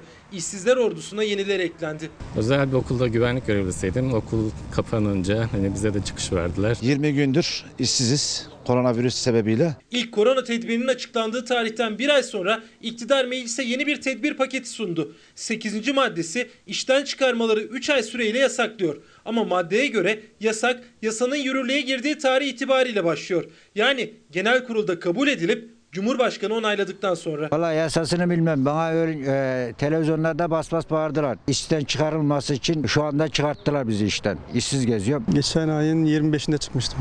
15 Mart 2020'den geçerli olmak üzere işten çıkarmalar derhal yasaklanmalıdır. Disk işten çıkarmaların yasaklanmasının geriye dönük de işletilmesini istedi. CHP ise Dünya Sağlık Örgütü'nün hastalığı pandemi ilan ettiği 11 Mart tarihini işaret etti. Ama komisyondan mevcut haliyle geçti. Yani yasa yürürlüğe girdiği tarihten sonra yasak başlayacak. 30'unda çıkarıldım ben. Virüsten dolayı çıkarıldım. Öncesinde çıkarılanlar ne olacak bizim gibiler? 3 aylık iş çıkarmayı yasaklama bir aldatmacadır. Şimdi adam beni çıkarmış işten. Ev kira. Ev sahibi çıktı ya. Muhalefet de tepkili düzenlemeye Mart ayından bu yana işten çıkarılanlar da genel kuruldaki görüşmelerde işten çıkarma yasağını geçmişe dönük işletecek bir düzenleme yapılacak mı? Gözler iktidarda. Tabii gelen çok sayıda sorudan biri de Masum Türker. Bu ülkede genel başkanlık da yapmış bir isim. İşsizlik sigorta fonu için söylenenleri hayretle dinledim diyor. Ben yayından sonra Masum Bey'i arayacağım. Ne olduğunu anlarım yarına yansıtırım. Garo Bey en önemli mesele ekonomi ve işsizlik öyle gözüküyor. Çok doğru. Ee, İsmail Bey bakın biz e, önümüzde yasa teklifimiz var. Biz bu yasa teklifini 15 Mart'ta sunduk. Yani işten çıkarmalar yıl boyunca yasaklansını o zaman söyledik. Dün gece yasa geçti ve iki gün içinde Cumhurbaşkanı imzalayacak ve işten çıkarmaların yasaklanmış olduğunu söyleyecek. Ancak biz bu krize 8 milyon işsizle girdik ve şu bir aylık dönemde en az 4 milyon insanımız daha işsiz kaldı. Ya yani bu saatten sonra işten çıkarmalar tabii ki önemli ama çok geç. 4 milyon insan iş, işini kaybetti. Şimdi bu işini kaybeden bu 4 milyon gence, gence ve işsize, işsizimize de yalnızca 1170 TL'lik işsizlik sigortası fonundan ödeme vaat ediyor. Bu da sefalet ücretidir. Bu anlamda önerimiz 29 milyon çalışanımızın 9 milyonu zaten kayıt dışıydı. Kayıt dışı olanlara herhangi bir güvence yok. Yani onların herhangi bir kaydı olmadığı için işsizlik fonundan da yararlanamıyor. Onlara doğrudan geri desteği vermesini öneriyoruz. Yani seyyar satıcılar vardı biliyorsunuz. Günübirlik çalışanlar vardı. Onların herhangi bir güvencesi de yok, geliri de yok, maaşı da olmayacak. Maalesef o adım atılmadı. Aynı zamanda bu işsizlik sigortası fonundan yapılan kaynakları da yalnızca 1177 TL'nin yükseltilmesini önerdik. Yani açlık sınırı olan 2350 TL'nin üzerine 2500 TL'nin üzerine çıkarılmasını önerdik. Maalesef oralı olunmadı ve bir sefalet ücreti Peki. işsizlere e, şu anda Bir sorum da ödenecek. Bir sorum da esnaf için. Şimdi onlar dükkanlarını açamıyorlar ve Evet. onlar zaten kıt kanaat geçiniyorlardı. Mesela bakkallar, Evet. büfeler, şimdi gerçi Evet. bakkallarla ilgili belki de bir düzenlemeye gidilecek. Berberler, küçük esnaf. Küçük bir haber hazırladık efendim. Dönüşte esnafa ilişkin çözüm, öneri ve eleştirinizi soracağım. Çok çalışacağız. Vatandaşlarımızın yanında dimdik duracağız. Esnafımız için tahsis edilen toplam finansman rakamı 6 milyar 737 milyon lirayı buldu. E, Şu anda bütün araçlarımız döndü. Döndüğü için e, tabii ki ödemelerimizde sıkıntılar yaşıyoruz. İş yapmak para kazanmak için değil, dönen işleri almak için dükkanında aslında. Yani çalıştığı her an kazanmıyor, kaybediyor. Çoğu esnaf da onunla aynı sıkıntıda. 25 bin liralık esnaf destek finansmanımıza başvuruda bulunan esnaf sayımız 412.714 oldu. Bu kapsamda süreci tamamlanan esnaf sayımız da 206.959'a çıktı. Kredi musluğu açıldı ama her esnaf ulaşamıyor faizli krediye. Nakit akışı da kesilince bir bir inmeye başladı kepenkler. Koronavirüs sonrası birçok iş yeri faaliyetini ara verdi ya da durdurdu. Hatta büyük kısmı çalıştıkları dükkanlardan çıkmak zorunda kaldı. Çünkü masraflara yetişemiyorlar çalışmadıkları için. Bakın işte görüyoruz birçok dükkanda aynı ilan nasılı. Burası koronavirüsten önce hemen önce çalışan dükkanlardı ama yol boyunca baktığımız zaman manzara her yerde aynı. Dükkanlar kapalı, üzerinde kiralık ya da satılık ilanları var. Araç kiralama işiyle uğraşan Turgut Bahadır da iş yerinde ama ayakta durmakta zorlanıyor. Sadece iptal edilen kiralamaların listesini tutmakla geçiyor günleri. E, aynı zamanda dönen araçlarımızın hepsini çekebilirsiniz. Garajlarımız doldu. Garajların dolmasının dışında e, sokakta park edecek yer bulamıyoruz. Esnafın ayakta kalabilmesi için destek şart çünkü işler dönmüyor. Bu da işlerin dönmediğinin en net görüntülerinden biri aslında. Hemen şu arkadaki dükkan bir kiralık araç dükkanı ama baktığımız zaman araçların hepsi burada. Çünkü koyabilecekleri bütün otoparklar, alanlar doldu. Ama o kadar çok kiralık araç geri döndü ki onlar da sokaklara park etmek zorunda kaldılar. Bu sokakta da sağlı sollu her yerde kiralık araçlar var. Bu sıra sıra bütün ticari araçların hepsi bizimdir. Esnafa sağlanan tek destek olan 25 bin liralık faizli krediye de olumlu cevap alabilen az. Kredi başvurusunda e, pek çıkacağını düşünmüyorum. Çünkü çevremdekileri çıkmadığını görüyorum. Şimdi Garo Bey kısa bir esnaf değerlendirmenizi alacağım. Sonra en çok gelen soruyu soracağım size. Esnaf. İsmail Bey e, belki fark etmişsinizdir. Yani saçlarımın halini görüyorsunuz. Sakallarım son derece uzadı. Çünkü benim Berbere- berberim de bir bir aydan aşkın süredir kapalı ve berberime gidemiyorum. Yani aslında onunla bir yerde buluşabiliriz ama onun da sağlık güvencesi için buluşmuyoruz. Şu anda e, on binlerce, yüz binlerce berber, restoran, kafe kapalı ve iş yapamıyorlar. Ve bu esnaflar inanın günübirlik yaşıyorlar. Yani aylık bir aylık geliri olmadığında e, evine ekmek götüremeyecek duruma geliyordu ki o durumdalar maalesef. Yani berberimle de konuştuğumda ciddi sıkıntı yaşadığını söyledi. Bu anlamda biz ne önerdik? Ne önerdiniz? Bakın bütün bu esnaflarımızın çoğunluğu kirada bir sefer. Büyük çoğunluğu kirada. Yani mal sahibi olan çok az bir bölümüdür. Dedik ki bu kira ödemeleri dondurulsun. Yani kira ödemeleri çok daha uzun vadeye yapılandırılsın ve şimdilik bu kira ödemeleri yapılmasın ama maalesef bu adım atılmadı. İkinci önerdiğimiz şey ise bu esnaflarımıza doğrudan gelir desteği sağlanmasını önerdik. Yani yine aynı önerimizi yapıyoruz. Açlık sınırı olan 2350 TL'nin üzerinde 2500 TL doğrudan gelir desteği yapılmasını öneriyoruz. Ve eğer bu esnaflarımızda çalışan işçiler varsa ki var, Her e- esnafta ortalama 5 işçi, 10 işçi çalışıyor. Bu işlerin hepsinin de ücretli izine çıkarılmasını önerdik. Yani işçilere ücretli izine çıkarırsak, onlara 2500 TL doğrudan gelir desteği sağlarsak, o işletmenin esnafı da 2500 TL geliri sağ- sağlarsa ve faturaları ertelenirse, kirası ertelenirse 2500 TL ile en azından temel ihtiyaçlarını karşılayabilir. Gıdasını, efendim e, e, faturalarını ödeyebilir ve bu sayede güvenceyle bu krizi atlatabilir. Peki. Ama maalesef bu adımlar atılmadı. Şimdi son soru. Şu anda son 15-20 dakikada en fazla gelen soru bu. Garo Bey ben dün Mehmet Ağar'ı aradım. Başka bir meseleyle ilgili haber için aramıştım. En son kendisi Adalet Bakanlığı da yapan bir isim olduğu için bu ceza infaz sistemiyle ilgili bir takım sorular sordum. Dedi ki sevgili İsmail Bey dedi bu dedi af tartışmaları diş macununu sıkmaya benzer. Onu sıktığın zaman biraz dışarıya çıkınca dedi bir daha geri girmez. Dolayısıyla Türkiye'nin şu andaki koşullarına göre bence doğru yapılmıştır dedi.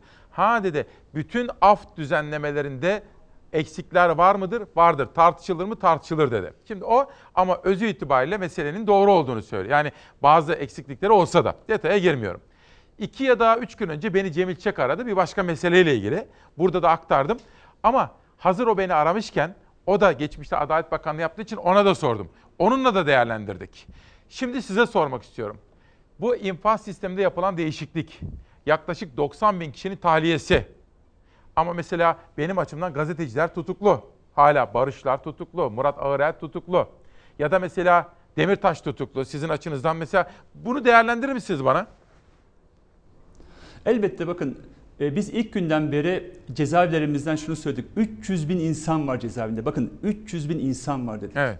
Yani 300 bin suçlu demedik. 300 bin insan var. Çünkü herkese suçlu görebilirsiniz ama her suçluyu kazıdığınızda altından bir insan çıkar. Ve hiçbir insanı ölüme mahkum edemezsiniz dedik. Bakın İsmail Bey şu anda cezaevlerinde korona kol geziyor. Ve Adalet Bakanı açıkladı. 3 kişi vatandaşımız cezaevinde öldü ve salgın cezaevlerine yayılıyor. Bakın söyleyeyim. Biz Gerekli aramızda önlemleri 2 aldık metre dedi. mesafe Ee, koyuyoruz değil mi? Bakanlık bakanlık. Hayır alınmıyor bakın. Hani panik de yaratmayalım hayır, oralarda. Doğru değil. Hayır doğru doğru değil bakın. Cezaevlerinin kapasitesi 150 bin kişi. Cezaevlerinde 300 bin kişi vardı ve bunlar aynı koğuşta yaşıyorlar. Yakın mesafelerde yaşıyorlar. Oraya on binlerce cezaevi çalışanı gidiyor, dışarıdan geliyor, virüsleri getiriyor. Ve bu salgın bir yayılırsa kontrol altına alınamaz. Bunun için ne önerdik? Cezaevleri boşalsın dedik.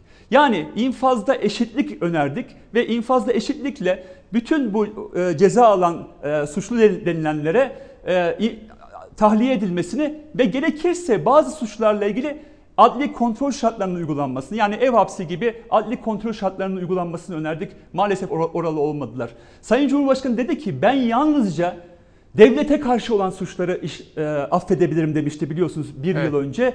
Ama geldi devlete karşı olan hiçbir suçu affetmedi. Yalnızca vatandaşlarımızın birbirine karşı olan suçları affetti ve bunun sonucunda da maalesef düşünce suçluları, siyasetçiler, belediye başkanları, gazeteciler, sivil toplum gönüllüleri cezaevinde kaldı. Yani Osman Kavala, Selahattin Demirtaş, Figen Yüksekdağ, Sebahat Tuncel, Ahmet Altan, Barış, Barışlar, iki Barış da cezaevinde kaldı. Yani bunlar örnekler aslında. Her biri bire insan. Bunlar ünlü insanlar. Ahmet Altan gibi ünlü insanlar. Ama ünsüz olan on binlerce vatandaşımız şu anda ölüme terk edildiler İsmail Bey. Bu çok önemli bakın. Ölüme terk edildiler diyorum. Türkiye'de ölüm cezası yok ama şu anda daracık koğuşlarda 10 kişi 20 kişi kalan cezaevindekiler maalesef ölüme terk edildiler. Şimdi bu tabii şöyle, özel af şöyle yasasıyla. söyleyeyim. Bakın Mehmet Ağar bu af yasası bir deme, dakika, bir değil demiş ama Bizi cezaevlerinde de Buyurun. izliyorlar Garo Bey. Şimdi ölüme terk edildiler demeyelim. Sonuçta onlar da devletimize, devletimizin o güvenlik kollarına emanetler, tutuklu veya hükümlü olabilirler. Ama şunu söyleyebilirsiniz bakın. Ben şunu da bir daha söyleyeyim. Adalet Bakanı da, Sağlık Bakanı da gereken önlemlerin alındığını da söylüyor. Bu ayrı bir mesele. Cezaevleriyle ilgili. Mesela infaz, koruma memurları, cezaevi psikologları çalışanları 14 gün çalışmıyorlar, karantinada kalıp gidiyorlar. O ayrı. Sizden şunu merak ediyorum. Yani korona ile ilgili bütün tedbirler alınmış olsa da ilkesel olarak, etik olarak bu infaz sisteminde çözüm nasıl olmalı? Mesela bunu bana açıklayın.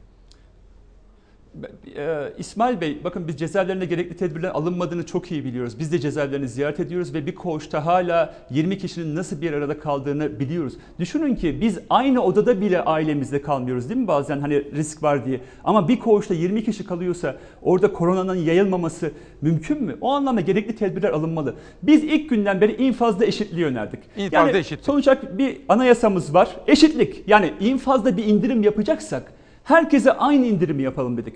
Bizim bir anayasamız var, yasalarımız var. Vatanda- Vatandaşlarımıza diyelim ki cezalar veriliyor. Diyelim ki adi bir suçluyla bir düşünce suçlusu diyelim ki ikisi de 10 yıl ceza almış. 10 yıl ceza alan adi suçlu şu anda cezaevinden çıkıyor. 10 yıl ceza alan düşünce suçlusu yani tweet atan bir kişi, bir siyasetçi, bir gazeteci, Osman Kavala bunlar diyelim ki tutukluysa veya hükümlüyse cezaevinde kalıyorlar. İşte bu büyük bir adaletsizlik. Yani hepimizin belli ön yargıları olabilir. Kimi der ki efendim kadın cinayetleriyle ilgili bu af olmasın. Kimi der ki terör suçlarıyla ilgili olmasın. Kimi der ki düşünce suçları çıkmasın. Ama hepimizin bir ötekisi olabilir. Ama biz adaleti öngörüyoruz. Yani bütün suçlarla ilgili mevcut yasamız ne ceza vermişse ona göre eşit şartla Peki. indirim olsun. Ya 10 yıllık cezayı 5 yıla indiriyorsak herkes için indirmeliydik ve tahliye şartları o e, cezayı yatanların herkes için olmalıydı ve bir önemli şey daha var. Cezaevinde on binlerce tutuklu var bakın hükümlü değil. Onların tutuksuz yargılanmasını önerdik. Şu anda Selahattin Demirtaş gibi pek çok dostumuz şu anda tahliye edilmesi lazım. Osman Kavala tutuksuz yargılanıyor. Figen Peki, Yüksekdağ Garo Bey, çok pek çok teşekkür dostumuz ediyorum. Şu anda yargılanıyor. Sağ olun. Onların da düşünce suçluları olarak görülenlerin de tahliye edilmesini önerdik ve infazda eşitliği önerdik İsmail Peki Bey. çok çok teşekkür ediyorum katkınız ve katılımınız için sağ olun. Ankara büromuza geldi.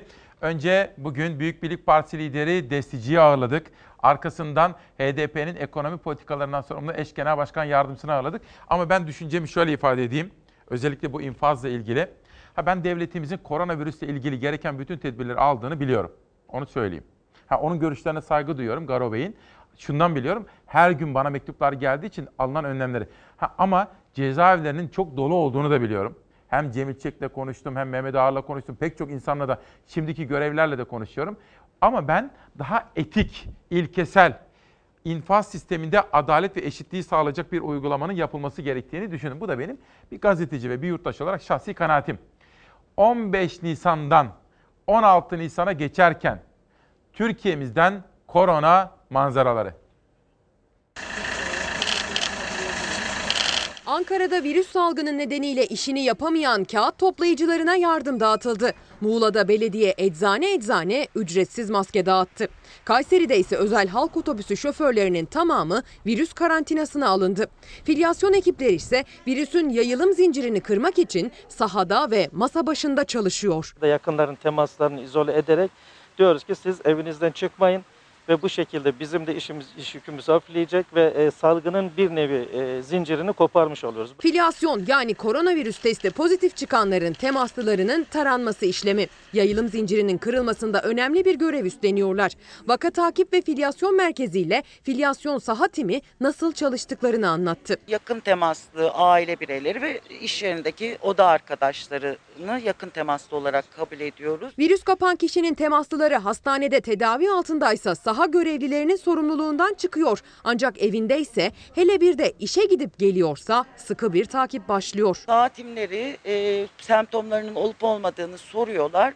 Daha sonra da telefon numaralarını bırakıyorlar. Aile ekiplerimizin her gün e, bu temaslıları telefonla arayarak semptom olup olmadığını soruyorlar. Eğer ateşi ve diğer semptomları oluşmuşsa yine ambulansla hastanelerimize naklederek bu taramaların yapılmasını sağlıyoruz. Benzer bir takip ve tarama sonucu Kayseri'de otobüs şoförleri evlerinde karantinaya alındı. Yaklaşık 850 özel halk otobüsü şoförü bazı şoförlerin testlerinin pozitif çıkması nedeniyle İl Hıfzı Sığa Kurulu kararıyla kontak kapattı. 14 gün boyunca Kayseri'de özel halk otobüsü çalışmayacak. Ankara'da ise kağıt toplayıcılığı yapan yaklaşık 800 kişiye Büyükşehir Belediyesi tarafından yardım yapıldı. Atık kağıt işçilerine maddi ve günlük İAŞ desteğinin düzenli olarak Zabıta Daire Başkanlığı ve ilgili Zabıta Müdürlüğü eliyle devam edeceği duyuruldu. Ankara Büyükşehir Belediye Başkanı Sayın Mansur Yavaş çalıştıkları kabul edilmeyen, vergi alınan fakat iş tanımına gelince yok sayılan atık kağıt işçilerini bugün resmi olarak tanınmış ve kayıtlarını yaptığımız 800 aileye nakdi yardımda bulunmuştur. Yapılan yardımla atık kağıt işçileri resmi olarak ilk kez tanınmış oldu. Bir paket maske bırakıyoruz. Tamam teşekkür ederiz sağ olun. Muğla'da ise eczanelere ücretsiz maskeler dağıtılıyor. Muğla Büyükşehir Belediyesi bünyesinde üretilen 22 bin maske 441 eczaneye ücretsiz dağıtılarak vatandaşın maskeye ulaşması kolaylaştırılıyor. İşte her sabah böyle bir bülten hazırlıyoruz sizlere. Doğan Şentürk yönetimindeki Fox Haber, Zeray Kınacı, Ezgi Gözeger, Zafer Söken, Beyza Gözeyik. Yan tarafta adını gördüğünüz bütün ekip arkadaşlarım. Bu sabah Şehnaz ve Savaş, Savaş Yıldız yönetmen koltuğundaydı. Nihal Kemaloğlu bana dışarıdan destek verdi. Kameralarda orada Yunus kardeşim var. Burada İsmail kardeşim var. Rejideki bütün ekip arkadaşlarım. Sesçimiz Mitat, kuaförüm Halit ve Dilek. Gazetemizi çizdiğimiz Tuğba kardeşim, emeği geçen bütün ekip arkadaşlarım, hatta ulaştırma servisinde görevli arkadaşım, kardeşim Olcay'a kadar her biri adına teşekkür ediyorum sizlere. Günü kitaplarla kapatıyorum. Buket Arbatlı, erkeklere her şey anlatılmaz. Erkeklere her şey anlatılmaz diyor. İstanbul Destanı Doktor Orhun Aydede. Her koşulda aşk Enes Özdemir. Küçük Dev Adam Beyhan Erdal. Şimdi yarın da sürpriz konuklarım var İsmail Küçükkaya ile Demokrasi Meydanı'nda. Bir tanesini söyleyeyim. Türk Eczacılar Birliği Başkanı özellikle bu maske konusundaki tartışmaları kendisiyle konuşacağız. Bir sürpriz konuğum daha var efendim. Onu da yarın hep beraber göreceğiz. Yarın kaçta? 7.45'ten 10.45'e kadar birlikteyiz. Bugün Emel Güz. Kalbinize hayalin anahtarıyım.